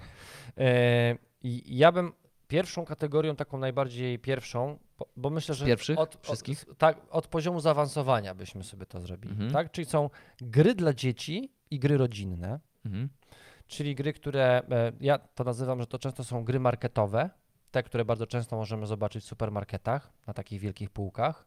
To są gry, które mają uczyć liczenia, spostrzegawczości, pamięci, typu memory, Mhm. coś, że musimy e, Tak, rysować. tak. No bardzo często gry y, takie familijne to są bardzo często gry edukacyjne i to też jest chyba jakiś rodzaj, jakaś kategoria, prawda? Gry edukacyjne, typowo, gdzie nacisk jest położony przede wszystkim na to, żeby rzeczywiście młodego człowieka wprowadzać w świat, dajmy to, nauki, tak? Jakieś. Albo po prostu czego, znaczy nawet nie świat nauki, po prostu czegokolwiek uczyć. Nauczyć, nawet no jeżeli tak, to są tak. quizowe, typu Tak, 5 tak. sekund, Mhm. e, czy na, wiesz, no, już mówiliśmy w jednym z odcinków, czego gry uczą, więc nie będziemy do tego Nie będziemy. nie Też będziemy do dajemy tego wracać. tutaj link, jest możliwość Już nad był wcześniej ten link nad moją głową. Może pojawić się jeszcze raz. Może być jeszcze raz. E, myślę, że chyba nie ma takiej możliwości właśnie. w YouTubie. Sprawdzę to. Sprawdź to. E, więc to jest pierwsza kategoria, e, czyli takie gry najbardziej proste, najbardziej y, u- naj, najłatwiejsze do nauczenia się, zrozumienia. Pierwszy krok dla dzieci. Znaczy ciężko by Dla rodzin też, Dla nie? rodzin, no ale to są bardzo proste gry. Tak. Nie tak, mówimy tak. tutaj o grze w wojnę karcianą, ale no jakby ten poziom. Ale też z takim dużym naciskiem na to, że to też są gry edukacyjne, typowo edukacyjne. W swojej takiej e, Granna ma przecież taką bogatą e, listę tych gier typowo edukacyjnych, typowo e, familijnych, ale również Egmont. Gdzie jakby jasno, nawet na pudełku jest napisane gra edukacyjna, czyli taka informacja dla rodziców, to jest zabawka dla dzieci, dzięki której wasze dziecko czegoś może się nauczyć, tak? Może nauczyć się pisać, może nauczyć się literek, może nauczyć się liczenia. Jakby cel jest konkretny, zabawa, poprze, edukacja poprzez zabawę. Nie? Dobrze, ale musimy też pamiętać, że niestety jest też bardzo dużo gier, które em, mm, wpisują się w gry rodzinne, nawet mają to napisane na pakowaniu. A nie są grami edukacyjnymi. Wiesz, na przykład grzybobranie. Mhm, Okej, rozumiem. Tak, nie jasne, jasne. rozumiesz. Mhm. E, więc to są też takie gry bardzo proste. My oczywiście zachęcamy, żeby wybierać te, które czegoś uczą. U, uczą I dobrze bawią i też. dobrze, no bawią to pewnie zawsze, no bo taki jest główny jakby cel, ale żeby też, Digitap. żeby w tych grach też, no okej, ale żeby też w tych grach było coś, co rzeczywiście dzieci wyciągną, nawet jeżeli to nie są typowo gry edukacyjne. Tak. Drugą kategorią, która jest bardzo blisko tej kategorii, Imprezówki? e, czyli Dobrze gry czytam? imprezowe i Mhm. towarzyskie. Tak. Czyli gry, które y, No, bez których dobre imprezy jakby nie istnieją. nie do końca musimy siedzieć przy stole. Albo są dodatkiem jak do imprezy. bo prawda jest taka, do Piotrze, imprezy. każda gra planszowa może być grą imprezową. Tak, ale to mówimy my, nie? Tak a, a, E, No Ale właśnie. gry imprezowe to rozumiemy takie gry, które często zmuszają nas do odejścia od stołu. E, kalambury, mhm. e, też gry quizowe, gry Tak. ruchowe, e, gry dźwiękonaśladowcze, takie gdzie się rysuje, gdzie się zgaduje. Tak. Z Gry reguły, typu są, państwa i miasta. z reguły to są proste mechanizmy i takie, które właśnie sprawiają, przełamują trochę tą barierę y, społeczną też, bo czasami musimy troszeczkę potańczyć, albo dotknąć, albo powygłupiać się, albo zrobić dziwne miny. Mm, no tak, no gry imprezowe.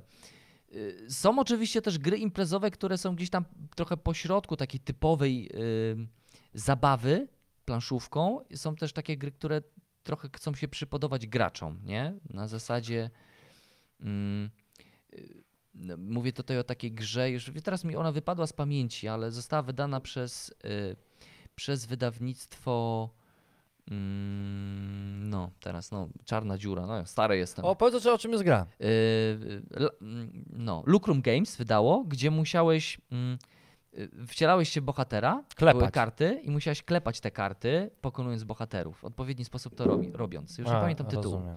Em, coś z podziemiami było? Było z Coś podziemiami. takiego. Tak, tak, Ale wiem tak. o co chodzi, robiliśmy recenzję tej Tak, gry. tak, tak. Robiliśmy Jedna recenzję w ogóle z pierwszych naszych recenzji na kanale. Ja myślę, że w ogóle w tej kategorii, jakby w, te, w tej kategorii gier jest tak naprawdę na, na, najwięcej dziwnych urozmaiceń, bo to mogą być na przykład y, kości, które tworzą historię. Rzucasz kośćmi, są To ścianki i tak, musisz tak. opowiedzieć. To bardzo często są na przykład gry też takie trochę mm, związane z elementem, gdzie coś budujemy, jakieś puzzle, bo na przykład wiesz, gra, gdzie budujemy z elementów, z takich dużych drewnianych elementów y, jakąś budowlę, nie? I to, co się za chwilę No to rozsypie. zabawa w klocki. To zabawa w klocki, no ale to też są takie gry, gdzie bazują na tym mechanizmie, Tak nie? jest. Ja mam na przykład ten ale cyrk dla dzieci, nie? że tam ustawiasz te zwierzątka w odpowiedniej kolejności, one muszą się utrzymać. No właśnie, no właśnie. Ale są na przykład gry, które też, y, y, gra według mnie stuprocentowo imprezowa, która polega na rozwijaniu pamięci. Chyba Mhm. śnisz, Mhm, mhm. gdzie każdy y, Rebel wydał, tak? zagrywa karty i my jako całość musimy pamiętać w jakiej kolejności ten sen był, ale musimy ten sen na początku stworzyć. Mhm. Są gry takie, y, gdzie możemy też zakrawać o pewną rodzaj seksualności. Mówię tu o grze Kama Sutra, gdzie jest ten balon i trzeba w parach ten balon Mhm. tak, zbić. Czy, to mówiliśmy o tym. To, Mówiliśmy to, o tym. Często się ten przykład podaje. No To bo jest- ja mam tę grę. Jakby ktoś chciał kupić, to zapraszam. Na privia to wam się, dlatego Marcin o nim sprzedam. E, Nie, bo to jest dla mnie, to jest, w- wiesz, ja lubię jest- takie smaczki, bo Mhm. wiesz, nikt, mało kto się e, odważa na taki temat gry. Tak. E, a, a to wydał, wiesz, pan Katala wydał tę grę. No, no. Jakby, okej.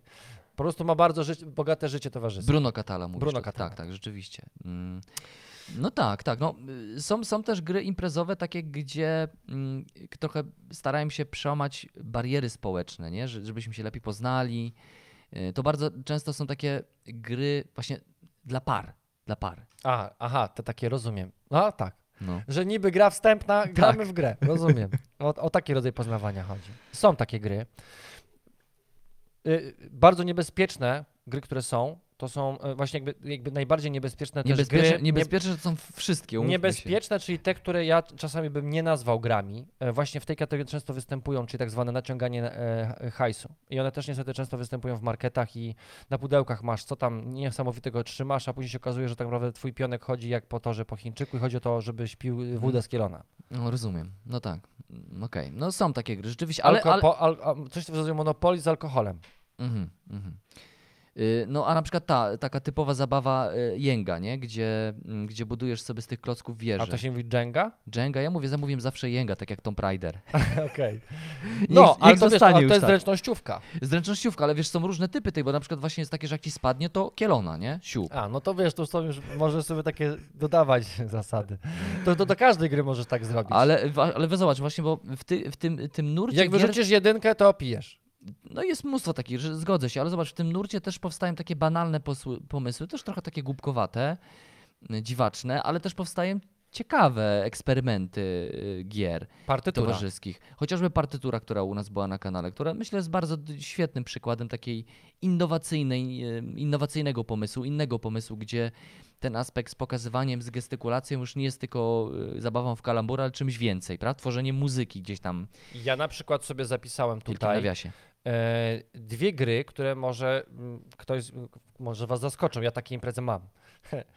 Grę Kaleidos, Mhm. gdzie dostajesz abstrakcyjny wielki obraz z, z dziesiątkami różnych I elementów. szukasz par tam chyba? Nie, dostajesz literkę i ty musisz znaleźć wyrazy zaczynające się na tę literę A, na tym okej. obrazie. Mhm, I mhm. musisz je wszystkie spisać. I dostajesz punkty, jeżeli się nie powtarzają. Aha, ale to byś to dał w kategorii gier imprezowych? Myślę, że tak, bo tam jest tych arkuszy chyba są cztery, więc jak macie czteroosobową Imprezę? imprezę. E, nie, bo to, Bo, ale to zobacz, są nie bo- tylko imprezowe, to też są towarzyskie gry. Takie lekkie, nie par, wymagające. Dla, Na przykład. dla par znajomych. E, Mhm. Chodzi o to, że wiesz, ktoś przyjdzie z ulicy, który nie ma bladego pojęcia. Ostatnio w grę, w którą grał, to było Macao w, w, w podstawówce. I siada i on gra w tę grę. Mhm. To, to też, też jest ta kategoria gier, które nie wymagają od ciebie żadnej znajomości grania w gry. Tam, tam się ciekawe rzeczy w ogóle dzieją. Jeszcze nie skończyłem, bo na przykład jest taka gra, tu zapomniałem teraz tytułu tej gry, przepraszam, przepraszam ale jest taka gra, którą kiedyś chciałem zrobić, żebyśmy zrobili dla Beki po prostu taki materiał. Z Januszem! Mariusz i Henryk, gdzie jest taki Janusz nadmuchiwany, nie? Super. To, to, to, to w ogóle, jeżeli mieliście kiedyś do czynienia z tą, tą giereczką, gdzie jest taki Janusz właśnie na pudełku, taki nadmuchiwany Janusz, Pomysł świetny. i co się z nim robi tam, to ja bym to, ja bym to chętnie sprawdził w ogóle. Ja myślę, że to jest temat dla Mariusza i Henryka w ogóle. wiesz? Okej, no. Trzeba się odezwać do wydawnictwa i zrobić to. Co sądzicie o tema- temacie? Je, moja żona na przykład bardzo lubi grę i on ma już bardzo wiele lat i zawsze mnie męczy na wyjazdach, to jest gra Bogle. Aha. Masz pudełeczko, w środku masz kostki z literami. Trzęsiesz, one się układają w pewny, pewien, e, e, na, na notatce, chyba tam 4 na 4 i musisz szukać słów, które na tych kratkach się łączą.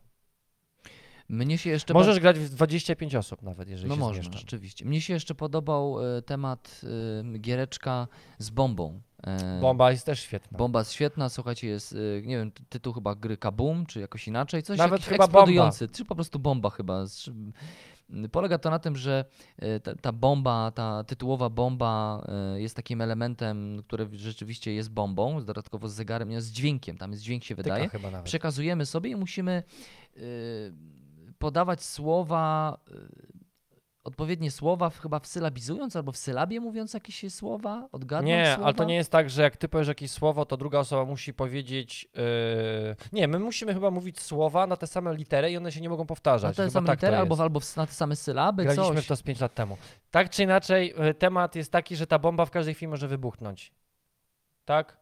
Jak może wybuchnie, wybuchnąć po 15 sekundach, może wybuchnąć czy po trzeba się spieszyć, nie? No i Bo nie masz we- pewności, czy to nie wybuchnie w twoich rękach. Impreza, no Impreza. imprezy są Zabawa, różne. ma być żart, nie zawsze musi być poważne. Tak, no i to, to wszystko. dalej idziemy do tych Marcin kategorii, co tam jeszcze E, możemy? no tutaj już byśmy zaczęli już od takich gier, które są grami. E, I tutaj ja już bym to zrobił, że to są gry tak zwane casualowe. Mhm. Czyli nie trzeba mieć bardzo dużej wiedzy o grach planszowych, że tak naprawdę każdy jest w stanie w tę grę zagrać, ale już trzeba umieć czytać ze zrozumieniem i wykonywać polecenia, które są w instrukcji. Trzeba też y, umieć czytać pewne symbole, tak? Bo to też typowe dla gier, no to, to nie powiedzieliśmy o tym właśnie, to też jest typowe dla gier euro. W grach euro bardzo często pojawiają się jakieś symbole, które musimy ze sobą łączyć, które musimy w jakiś sposób We odczytać. wszystkich grach, Piotrze. Y, No to W właśnie zobacz, jak no masz tak, kartę, nie, ja wiesz, wiem, przedmiotu, wiem. Tylko no ja mówię też masz pewnej ikonek. typowej cech, y, cesze, nie? Takiej typowej, która mi się kojarzy z grami Ikonki euro, dają nie? skrót Tak. te- tego, co robimy. Tak, tak, tak. Mhm. No i musimy z reguły je zapamiętać, kojarzyć, y, trzeba się wgłębić w instrukcję, żeby je jakoś y, zidentyfikować. nie? Gry casualowe to są już często gry, które e, najczęściej musimy siedzieć przy stole. E, Musimy poświęcić więcej czasu niż te 10 minut na imprezie. E, Musimy też już zacząć poznawać w tej kategorii pewne zasady i mechanizmy, które w grach planszowych się pojawiają. Mamy, doświadczamy pierwszych mechanik, które w tych grach powstają, czy, czy zarządzamy zasobami, czy właśnie zarządzamy ręką, kartami gramy, czy No tak, ale jak zarządzamy sądzisz, to są kośćmi. bardziej te gry casualowe, to są bardziej gry Amery, czy bardziej gry euro? Przepraszam za ten mikrofon. Walczę z cały mikrofonem czas. dzisiaj. Bo my dzisiaj skrzyżowaliśmy swoje y, ten mikrofony tutaj z z tyłu, dlatego tak się ten. Y, jeszcze raz twoje pytanie. Y, y, jakie było moje pytanie? Dla Może czystości. Tak. Dla czystości. Dla, nie, właśnie kwestia tego, czy te gry casualowe to są bardziej gry i z reguły gry euro, czy bardziej gry Amery? A może to i to. Ja myślę, że to są, to są gry, które mają najwięcej połączeń tych dwóch Mhm. kategorii. No bo E, jednocześnie, jednocześnie muszą być proste. Gry Ameri z reguły są proste, mecha- prostymi mechanizmami. No ale mamy też y, przykłady gier y, euro, które są mega proste i są dobre właśnie w typie, w kategorii gier casualowych, nie dla wszystkich. Dokładnie. Na początek Na przykład Ticket to Ride. Na przykład. Mhm. Na przykład gra, która e, ja zaczynałem w dzieciństwie, można powiedzieć, że to była jedna z bardziej, znaczy to była jedna z pierwszych gier takich zaawansowanych dla mnie. To była na przykład gra Labirynt Ravensburgera. Mhm. To jest gra euro, stuprocentowa, bo dostajesz karty i musisz dotrzeć do skarbu, który jest w labiryncie, który jest ruchomy. Przekładasz tylko, Mhm. wiesz, wkładasz sobie element i ten, cały czas się ta trasa zmienia. Mhm. Splendor też jest taką typową grą, taką myślę dobrą na początek, nie? Gdzie ka- każdy skojarzy bardzo szybko o co chodzi i nauczy się E, grać. a z drugiej strony masz talizman, Mhm. który Tak. jest, y, można tutaj powiedzieć, że to jest 100% gra przygodowa. To jest w ogóle, no tak, no to też typowy przykład takiej gry, myślę, Ameri, gdzie najważniejszy jest y, klimat po prostu, no bo systemowo to... Nie ma tam nic, prawda? Systemowo. czy w prawo, czy w lewo. No, E, więc to jest taka grupa gier, gdzie można powiedzieć, że już gramy, że już gramy w gry. E, nie bawimy się tylko, tylko no, jakby doświadczamy i zaczynamy uczyć się języka gier planszowych. E, I bardzo często tutaj też trafiamy na tytuły, które, y, y, po którymi się nie wstydzą nawet zaawansowani gracze. Myślę. mało tego, myślę, że często wracają do takich gier typowo prostych, nie? To jest właśnie, to ja, ja myślę, że to jest ta kategoria gier, którzy jakby nazwijmy to zawodowi gracze trzymają dla tych, których chcą nauczyć grać w gry. To są te takie Albo otwierające trzymają bramę, z sentymentu na przykład. otwierające bramę e, świata gier planszowych, że to już nie jest wstyd Tak. posiadać te gry, bo są Mhm. już takie gry, które są bardzo proste, ale już przeszły do takich legend, że te gry warto mieć. Tak, no i, no i przechodzimy sobie, myślę, że ja nie wiem, czy mówiliśmy o tej takiej, takiej kategorii, rodzaju, mm, też jest to podział gier na gry y, rywalizacyjne i A gry to- kooperacyjne. A to jeszcze są, to jest, to, jest jeszcze, jeszcze tej, co? to jeszcze coś innego. Teraz musimy przejść, moi drodzy, do, do, ja to sobie nazwałem do gier formatu średniego. Czyli Czy ty sobie tak wie- wiekami to ustawiłeś? E, raczej poziomem trudności. Poziomem trudności? Ja myślę, że to jest Mhm. bardzo istotne dla graczy, yy, bo jak ja obserwuję sobie tego, czego ludzie szukają, no to liczba graczy i poziom trudności. Tak? Czyli Mhm. wymienia bardzo często, że mam to, to, to, to, to i co myślicie? No i, i gracze, którzy dużo grają, znając te tytuły, wiedzą, jaki to jest poziom trudności i mogą coś zaproponować. E, gry e, formatu średniego, czyli każdy da radę zagrać jak chce, ale trzeba w to włożyć bardzo dużo pracy. Czyli poza tym, że umiemy czytać ze zrozumieniem, no to już musimy się przyzwyczaić, musimy jakby podejść do takiego, no, że możemy grać dwie godziny. Możemy grać cztery godziny nawet w jakiś tytuł. E, Większy próg wejścia jest, jest prawda? większy próg wejścia. Y, Wiele rzeczy, żeby zrozumieć, jak działa, albo żeby zrozumieć zależności pomiędzy niektórymi mechanikami, dobrze by było zacząć od kilku gier casualowych. Więc to już jest ten taki średni próg, gdzie myślę, że większość środowiska grupy gry planszowe na Facebooku, Pozdrawiamy gry planszowe. pozdrawiamy tam te 66 tysięcy osób, myślę, że to jest, to, jest, to, to jest ta największa grupa, która właśnie siedzi w tej części gier. Tak. Czyli mamy już, można powiedzieć, że gramy w duże gry, e, takie gry, które no, jakby większość rynku jest tworzona właśnie dla nas w tej grupie. Mhm. E, No i gry dla hardkorów teraz no i na koniec tak? jeszcze mamy gry na hardkorów. To są już takie gry, które, gdzie mamy encyklopedię zasad. No tak. Bardzo często jest tak, że, mm, e, e, że. A, przepraszam, bo jeszcze w tej poprzedniej, poprzednim. To jest ważna różnica pomiędzy tymi grupami. W tej gr- grze dla średniaków ważne jest, żeby tylko e, właściciel gry posiadał grę. Znał zasady. Tak? Czyli, że Posiadać wła- może, ale nie musi. że, no, że posiada grę, ale jakby, że jedna Wprowadza osoba ją. wprowadza, tak? E, W tej grze dla zawodowców to dobrze by było, żeby już wszyscy zasady znali, Zdecydowanie. prawda? Mhm. Mówię tu na przykład o grach Twilight Imperium 4. Mhm. Tak, tak. To są gry e, typu anachrony. E, No to już są nie przelewki, to już jest On hardcore. Mars, The Gallery. Ustawiamy się na ca- Olbrzymie- całodniową rozgrywkę. olbrzymie tytuły, które mają e, długo trwać, mają być rozbudowane, mają być trudne, mają być dla nas, dla graczy, ma być, ma być wyznacznikiem pewnego poziomu trudności. E, No i, i, i w tych grach bardzo często występują rzeczy, które mają nas zaskakiwać. Myślę, że wydawcy częściej chcą zaskakiwać w takich trudnych grach nowoczesnymi mechanikami, niż w tych poprzednich kategoriach, które wymieniliśmy. No bo prawda jest taka, że gracz, który nawet nie gracz, osoba, która chciałaby kupić swoją pierwszą grę planszową, bardziej patrzy na okładkę i tytuł, niż wejdzie na YouTube'a i posłucha o tobie, co na przykład myślisz Tak, o grze tak, tak. Anachrony. Mhm, no tak, na pewno. Chociaż w różnych kategoriach i w tych niższych kategoriach też, też powstają perełki, takie nietypowe gry, jak chociażby mm, gra, którą ostatnio mówiliśmy tutaj, czyli ta, gdzie tworzymy e, partytura. O, właśnie, to też taki nietypowy przykład, prawda? Mimo wszystko. No tak, ale wiesz, to jest nadal gra, którą wytłumaczysz, y, Tak. wiesz, w minutę. Ale niejednoznaczna, nie? Jakby taka, że ktoś myśląc o grach towarzyskich myśli sobie, a, to chcesz grać w kalambury, rozumiem, okej. Albo, albo jakaś ale wariacja na jest, temat ale to kalambury. jest wariacja na temat Trochę kalambury. jest, zgadzam się, ale... Ruchowe kalambury. No, ale inna niż Ale trochę inne, to prawda, kalambury. zaskakująca. No i ostatnie dwie rzeczy, które y, są poza tymi kategoriami, czyli gry bitewne, które mm, wymagają już 100% za Ale one są właśnie w tej kategorii takich już graczy graczy, Graczy, prawda? graczy, Te tak zwane bitewniaki, czyli gdzie mamy swoją armię swoich, swoich postaci, swoich krasnoludów albo jakichś innych. e, To wymaga, dlaczego, dlaczego to jest jakby oddzielna dla mnie kategoria? Bo to wymaga od nas to, że gramy tylko z tymi graczami, którzy mają też swój egzemplarz gry, tak? No bo jeżeli gramy poprzez wieki, no to jedna osoba ma grę, y, trzy osoby dookoła przychodzą i grają w jego grę. Ale w bitewniaki to jest tak, że wszyscy musimy mieć swoją armię, żeby, żeby walczyć. No chyba, że potrzebujemy od kumpla czyjąś armię, no ale y, siadając do stołu musisz mieć pewien, y, pewne elementy, które najlepiej, żeby były twoje. No tak, no, no. Myślę od razu, że myślę tutaj w kontekście gier bitewniaków, to myślę o systemie Warhammer. To już jest taka, wiesz, klasa sama w sobie i to jest ka- taka zamknięta kasta graczy raczej. Ale zobacz, nawet masz X-Wingi. No tak, tak, ale to tak przykład, przykład, nie? Chodzi o to, że I chodzi też o to, że taka, że rzeczywiście, graczy. ale te, to ty musisz znać zasady, ja też muszę Tak. znać zasady. Musimy usiąść i wtedy jesteśmy, to jest gra dla graczy. Tylko chciałem tutaj powiedzieć o jednej y, cesze tego środowiska, tej, że to jest już taka kasta graczy, to już takie zamknięte środowisko tak, jest. Do tego nisza w niszy w niszy. nisza w niszy w niszy, dość wąski, y, wąskie środowisko, I bardzo drogie hobby. drogie, bardzo drogie hobby i takie, gdzie jakby no nie wystarczy sobie kupić tam jeden podstawowy Starter. zestaw, nie? Starter. No, ze starterem kolega, o, no. No ko- to pan zaczyna. cześć. Okej. To tam jest stolik dla nobów. No właśnie. No właśnie. E, No i jeszcze myślę, że warto jeszcze o tym wspomnieć, mimo że my się tym nie zajmujemy, no to w, tak naprawdę w grach analogowych są jeszcze RPG.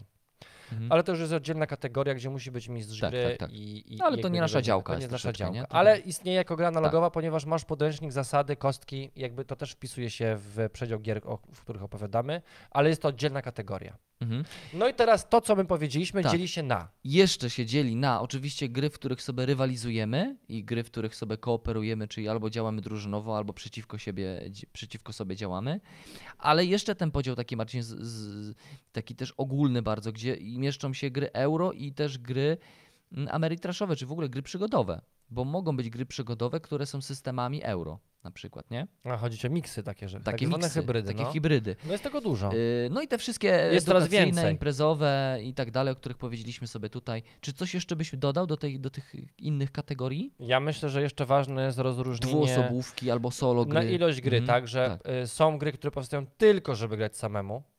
Co jest dziwne, podobno, Nie ale ja ostatnio słuchałem sobie takiego podcastu związanego też z naszym giereczkowym światem.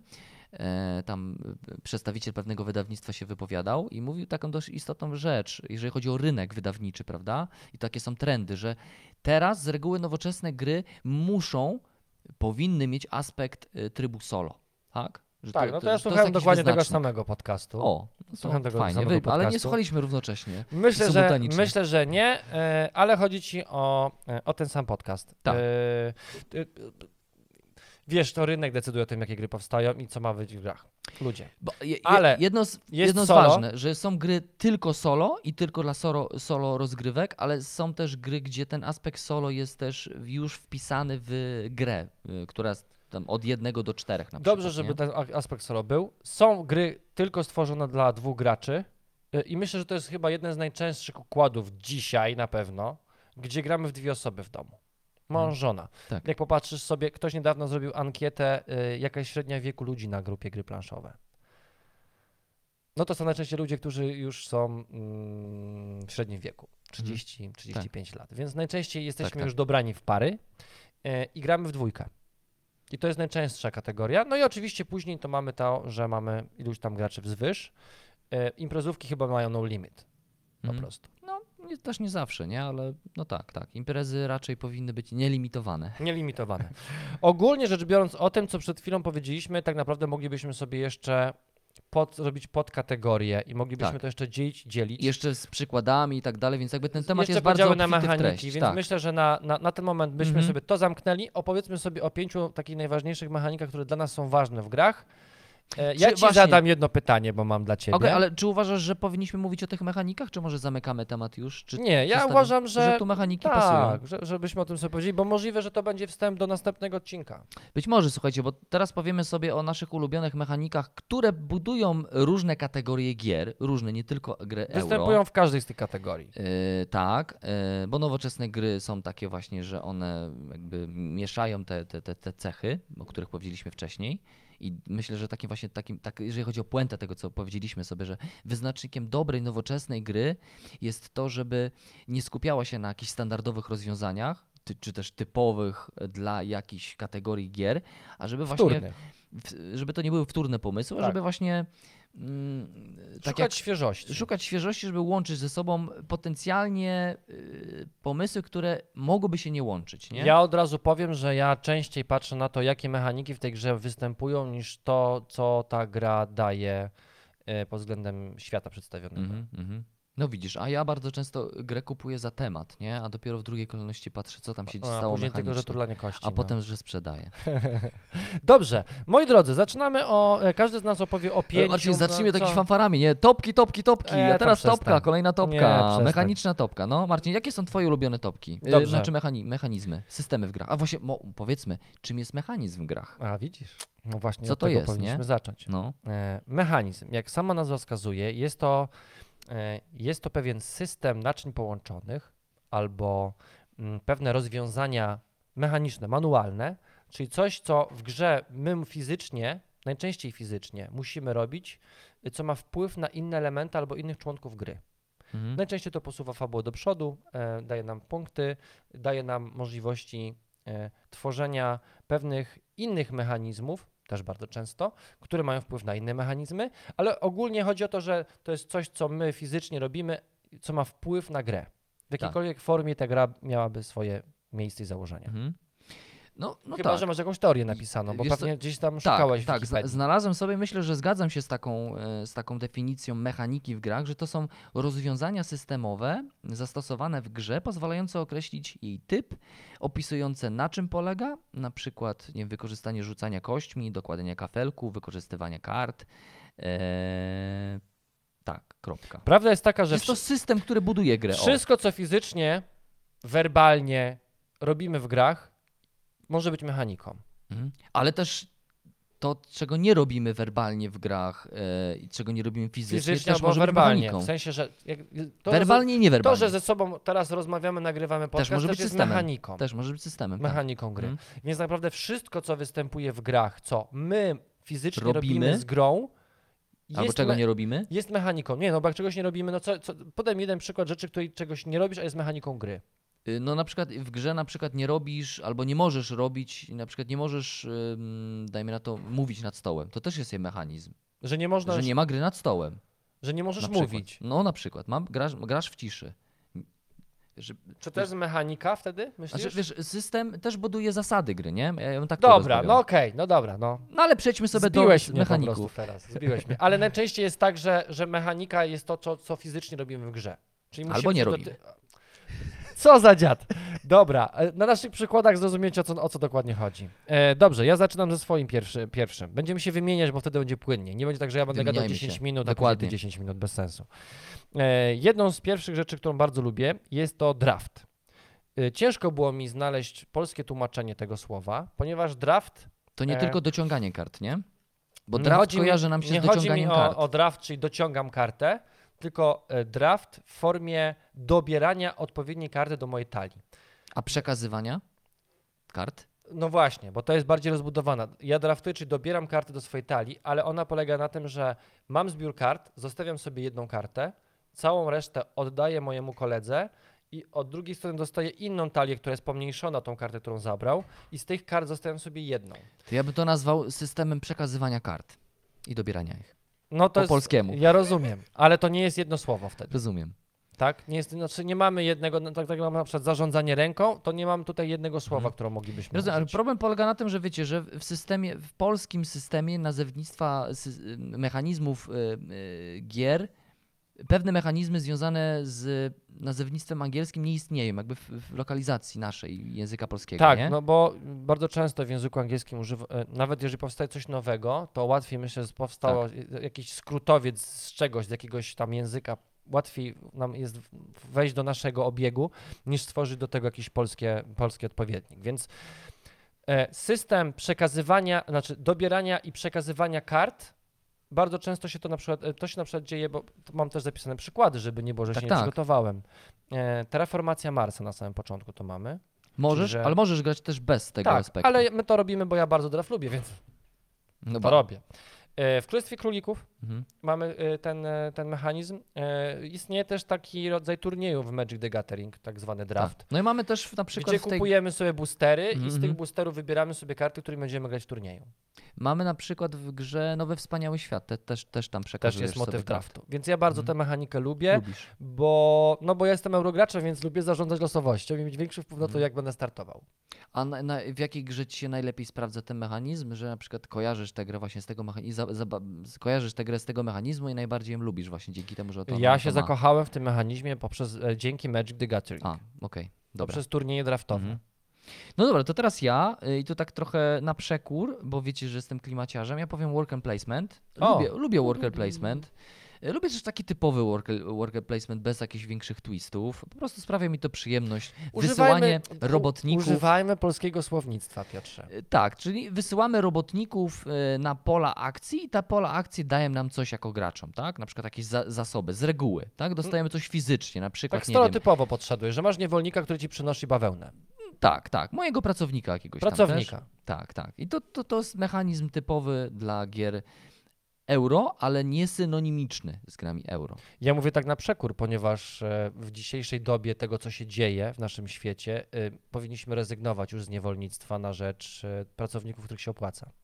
No tak, ale co... Którzy też są w związkach zawodowych. Mówisz tutaj poprawności politycznej. Tak, poprawności politycznej, bo, Zostawmy nie, to bo zostaliśmy, zostaliśmy ostatnio skarceni. Zarządzanie ręką. Mhm.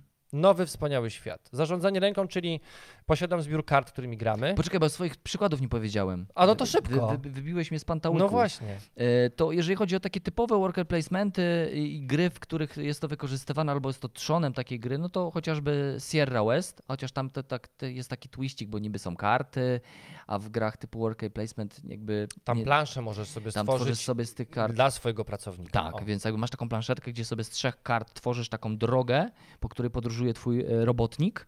E, No i właśnie wykorzystujesz akcje związane, jak ten robotnik będzie chodził sobie po tych polach, na tych kartach. No ale chociażby, nie wiem, Lords of Waterdeep, Toskania, gdzie produkujesz wina, mamy recenzję, e, typowy worker placement, Wojownicy Midgardu. wojownicy Midgardu. No, Dużo jest tego. Tak. Ogólnie to jest Mhm. dosyć popularna e, i, i prosta mechanika. Mhm, tak, Wbrew pozorom. zdecydowanie. Dobrze, tak jak już powiedziałem, zarządzanie ręką. Czyli tam jeszcze lubisz? Zarządzanie ręką. Mamy karty, no i przez to, że te karty w jakiś sposób do naszą dłoń wchodzą losowo, czasami dostajemy karty, których nie chcemy, są brzydkie, nie, nie pasują w naszym stylu grania, e, to zarządzanie ręką pozwala nam albo te karty usuwać, albo ich nie zagrywać, żebyśmy nie byli zmuszani z niej zagrywać. Mhm.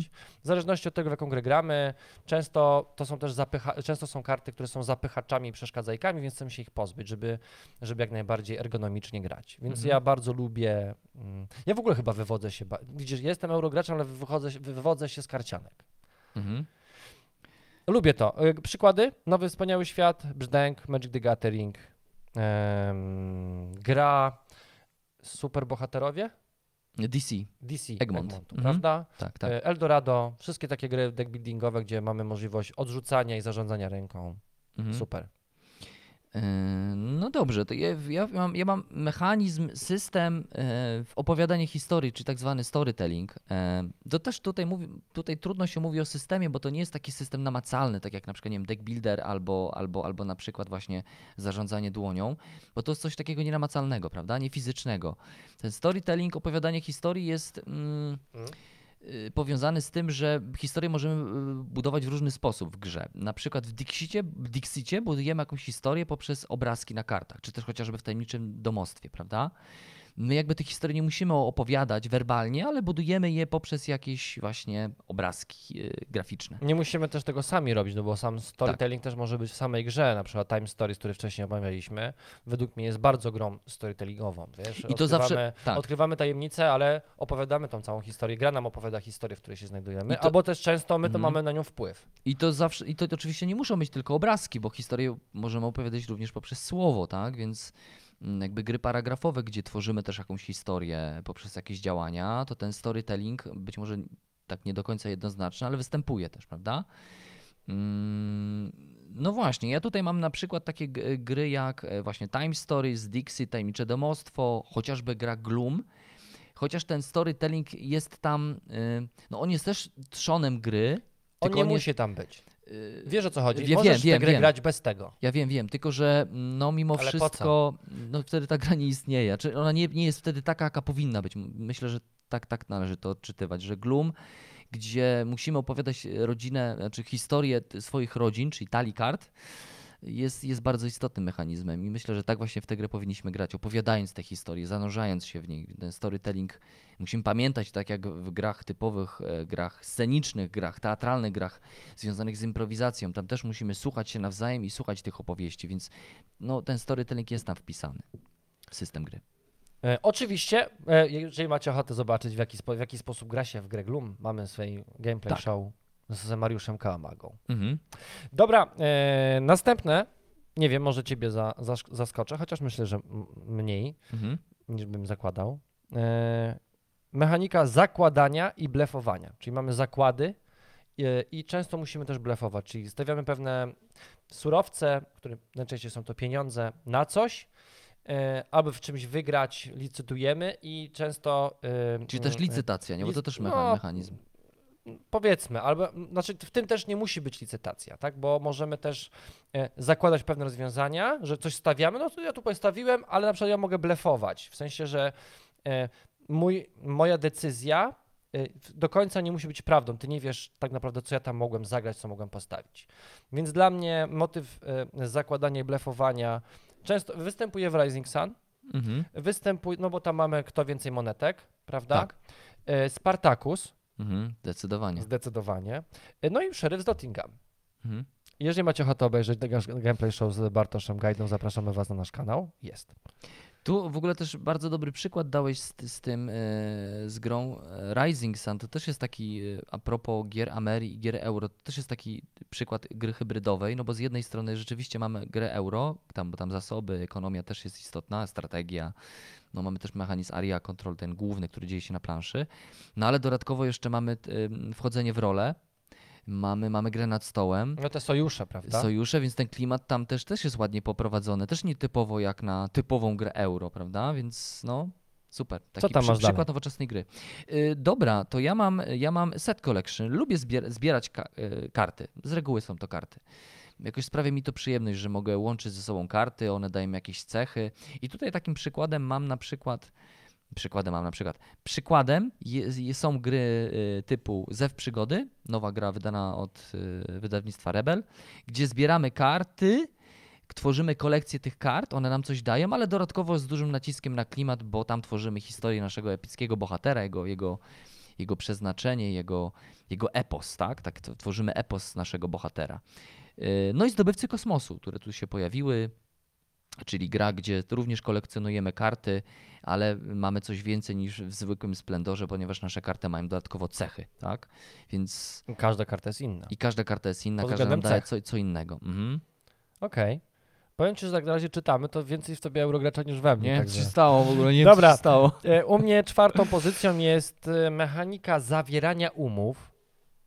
Ja uwielbiam w grach e, to, że, Zawierać Przeciw- i łamać umowy. że przeciwnikiem je- jest człowiek. Mhm. E, I często też się zdarza, że gramy w jakąś grę mm, ekonomiczną, gdzie trzeba zawierać jakieś umowy. I lubię to czuć, że moja umowa jest bardziej korzystna niż ta umowa, którą ktoś inny chciał ze mną zawrzeć. A, no to swoją drogą. E, i, i, I podoba też mi się to, że bardzo często nie jesteśmy w stanie osiągnąć czegoś w grze, jeżeli się nie dogadamy, po prostu. E, I to jest ten taki aspekt społeczny w naszych grach, że ja lubię gadać z ludźmi.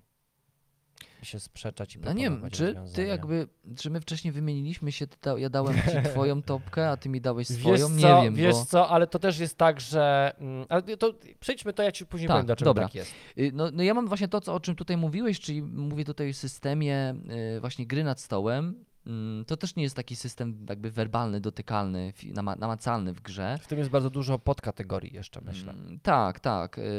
Też jest taki płynny temat bardzo, systemy w grach, prawda? No turlanie kostką też jest systemem, nie? Jakby, co jest dziwne. Y, Bo samo turlanie kostką jest dziwne w grach trochę. Y, Właśnie, no gra nad stołem. No, y, to coś, co, co buduje co buduje świat przedstawiony w grach na przykład, nie? albo co wymusza na nas wejście w jakąś rolę, jak chociażby właśnie gra, y, o której często wspominamy, bo to jest nasz chyba high of, high of the high, top of the top, czyli e, La Cosa Nostra, gdzie no, wcielamy się w postać e, mafii, e, właściwie przedstawicieli mafiozów i no, musimy gadać nad stołem, żeby wchodzić w jakieś układy. Ta gra nie istnieje bez tego. Ta gra nie istnieje bez nie ma tych... możliwości w tę grę zagrać, Mhm. jeżeli nie potrafimy rozmawiać ze sobą i, i być mafiozem, wejść w rolę mafiozy. Mhm. Znaczy ona też dużo traci, bo wiesz, tam nie każdy musi mieć zdolności aktorskie, ale jeżeli nie masz tego, nie, nie tworzysz tego, tego sauté, tego, tego właśnie klimatu, Bycia No to mafiozem. by, bycia mafiozem, to tam będziesz tylko wchodził w układy, czyli będziesz, będziesz co robił? Będziesz bawił się w worker placement trochę, bo zauważ, że tam wystawiamy sobie ten żeton yy, i ten żeton jest takim naszym robotnikiem, który mówi, że będę korzystał z cechy twojej karty, prawda? I tyle. I wychodzi wtedy po prostu prosty worker placement. Jeżeli jest, nie rozmawiamy w tej grze, to gra jest nudna jak strasznie. To jest, To no nie, trzeba, nie to można trzeba grać umieć wtedy. w tę grę. No i, no, no i tyle. Dobra, ja jeszcze bardzo lubię, to jest moja piąta cecha, e, to piąta mechanika, którą bardzo lubię, czyli e, ukryte role. Mhm. Bardzo lubię mm, czuć w grze, że mm, nie wiem, kto ma jaki cel w swoim, w swoim zestawieniu, kto do czego dąży. W grach euro bardzo często jest to, że cel jest wspólny. Mamy jedną planszę, mamy jedną mapę, Mhm. jedną przestrzeń, swoją albo wspólną y, i każdy ma ten sam cel, zdobyć jak najwięcej punktów. Mhm. Y, Natomiast bardzo lubię w grach, kiedy y, ja mam swój indywidualny cel, ktoś inny ma inny zupełnie indywidualny cel i nie wiemy tego. Próbujemy się domyśleć poprzez ruchy gracza, co on chce zrobić, do czego dąży. Przykładem gra Nemesis. Mhm. Y, Jest, to jest taka gra semi-kooperacyjna, znaczy budzimy się i mamy wspólny. Wydaje nam się, że mamy wspólny cel y, przeżyć, więc możemy sobie pomagać, no ale też możemy sobie przeszkadzać, bo każdy z nas ma swój indywidualny cel. Y, Przykładem też jest Battlestar Galactica, y, gdzie y, jakiś gracz może być po prostu z, y, jakby wrogiem. I Secret Hitler. No to Mhm. takich gier ogólnie jest dużo, Mhm. tak? Bo to Tak. jest ciekawa mechanika, użyta w, od łatwiejszych, rodzinnych do, do najtrudniejszych gra, e, gier, ale no mechanika sprawdza się świetnie, bo y, myślę, że to też jest też po to, żeby może na przykład ukryć kiepskie zbalansowanie gry, bo wiesz, może wtedy zrzucić winę na gracza. No można, oczywiście. No ale to tworzy klimat wszystko. To Ale też jest aspekt klimat. typowy dla Emery, myślę. Tak jak chociażby w, w grze Martwa Zima gra rozdroży, gdzie tam też masz tego ukrytego w drużynie swojej y, ukrytą postać, która ma inne cele dodatkowe i może trochę popsuć robotę nam, nie? No, na. Podbierać jedzenie i tak, Tak. dalej, więc No e, ja też to lubię, rzeczywiście. Nie mam w swojej topce, ale mm, tu przypomniałeś mi o tym, że, że ja też to lubię. Więc kolejną rzeczą, jest, którą, którą ja lubię, jest. ym, ja lubię w ogóle kości w grach. Jakby, no jest to element typowy dla Ameri, ale nie zawsze, bo lubię też kości w grach euro. I lubię też e, mechanizm zarządzania tymi kośćmi, tak? Więc mówiąc o kościach, mówię o tym. O turlaniu. o, o turlaniu wszelakim, tak? I z, o zarządzaniu tymi kośćmi. I to, to tak precyzyjnie, profesjonalnie mówi się dice manipulation, czy też dice management, ale również, ale również też lubię dice action. Czyli wykorzystywanie pewnych akcji na, na, na, na, kościach, tak? W dice management jest to mechanika bardzo przypominająca mm, zarządzanie kartami, tylko tu zasobami są po prostu kości, no i który występuje chociażby w grze Martwa Zima, albo w grze Pulsar 2849, mm, gdzie Tylko ja, ja wolę bardziej te takie bardziej klimatyczne rozwiązania. W pół- Dlatego Pulsar jest bardzo klimatyczny. E, Dlatego pulsar mi tak średnio pasuje, ale z dobrym przykładem, w sensie dla, Nie, no dla zobrazowania tego E, mechanizmu. Myślę, nie? że roleplayer się nadaje do tego. Tak, tak, też, też, też, też. Masz tam dużo klimatu, Mhm. tworzysz swoją postać, ale e, zarządzasz i manipulujesz kośćmi tak, żeby mieć jak największe Mhm. statystyki swojej Jeżeli postaci. chodzi o klimat, to tu też powrócę do gry, która chyba jest, mieści się w mojej topce jakiejś tam, e, czyli Martwa Zima, gdzie tam też e, rzucamy sobie kośćmi i, i roz, musimy rozdysponować sobie te akcje związane z kośćmi na, na, na, na, na właśnie na, na działania w grze, tak? Więc to też jest super. Mm. No. No jest, tyle, no jest jeszcze, 10. jest oczywiście też mechanizm, to jak dodałem jako jeden punkt, jest jeszcze e, dice placement, e, typowy dla jednej, to jest takiej mojej ulubionej gry, ja to może ją pokażę, wyjdzie ona, o, e, Pioneer Days, E, nie mamy jej na kanale, Nie. E, Często sobie w nią gramy. A To też jest przykład gry, gdzie w super sposób można wykorzystać kości i one też tutaj są zasobem. I to jest taki też. o, ja lubię też takie wykorzystanie, one tu są zasobem, tak? Wykorzystujemy akcje na, na, na kościach i na początku je losujemy sobie z woreczka, więc tak jakby ten aspekt losowości jest tu dość, dość wysoki, ale w bardzo klimatyczny sposób zostało to rozwiązane. Ale możesz wybrać sobie spośród kilku kości, Tak. co chcesz zrobić. Yy, I też na przykład w grze Ganges y, lubię to, to, to zarządzanie kośćmi. Sama gra jakoś do mnie nie przemawia, szkoda, że ona jest taka mm, archaiczna pod względem wykonania, gra, graficznego wykonania. Taka jest y, no, mało ładna. Mm, Ale lubię ten mechanizm wykorzystany w Gangesie. Mm, Jest na kanale, możecie sobie zobaczyć. To jest niesamowite, moi drodzy. Bo ja na swojej liście wrzuciłem to, co powinien rzucić Piotr, a Piotr No. wrzucił to, co powinienem wrzucić ja. A, ale myślę, że to jest to, co kiedyś rozmawialiśmy, z, ty rozmawiałeś z Szymonem Jachinkiem w podcaście, że często gramy w gry, które odprężają nas od, y, od naszego życia codziennego, wiesz, jeżeli że jesteś księgowym i często liczysz, no to może twoją odskocznią są gry przygodowe, żebyś nie musiał liczyć. Mhm. A jeżeli często na przykład zajmujesz się kreacją, pisaniem scenariuszy, tworzeniem treści, no to po prostu siadasz i zaczynasz liczyć, żeby nie musieć robić tego, co robisz w pracy.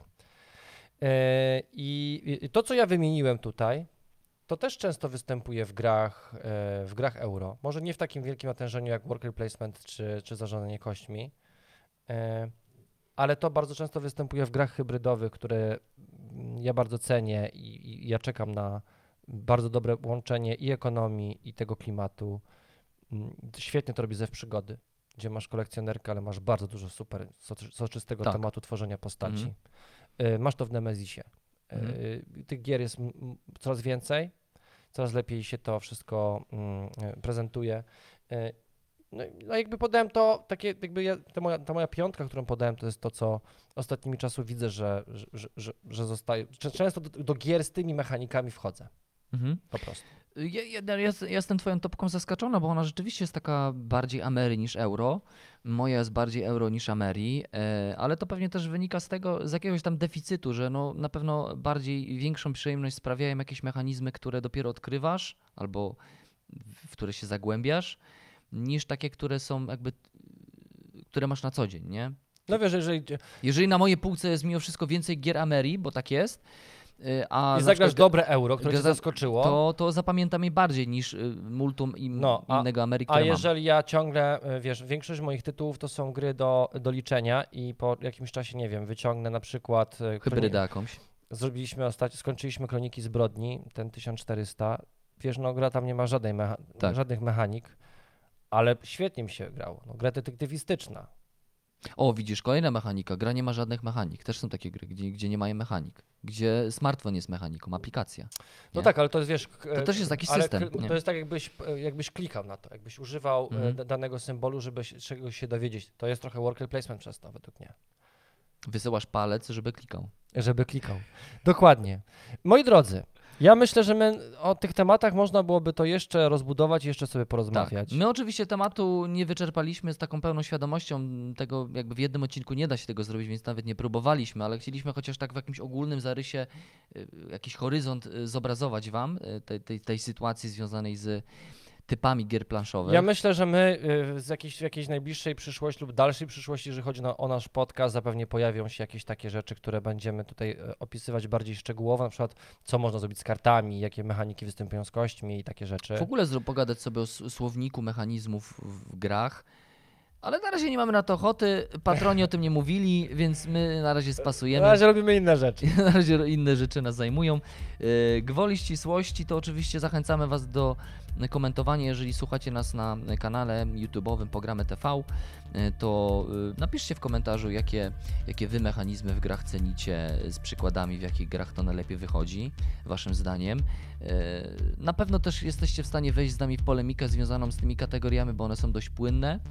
Pewnie zauważyliście, że my nazywamy grami euro takie, takie gry, a one w waszych oczach być może wcale takimi nie są, więc my chętnie poznamy, poznamy waszą wizję, bo lubimy się też wspierać y, z wami, więc zachęcamy do tego. Tak jest. Dziękuję Wam bardzo. To był 34 odcinek podcastu kanału Pogramy TV.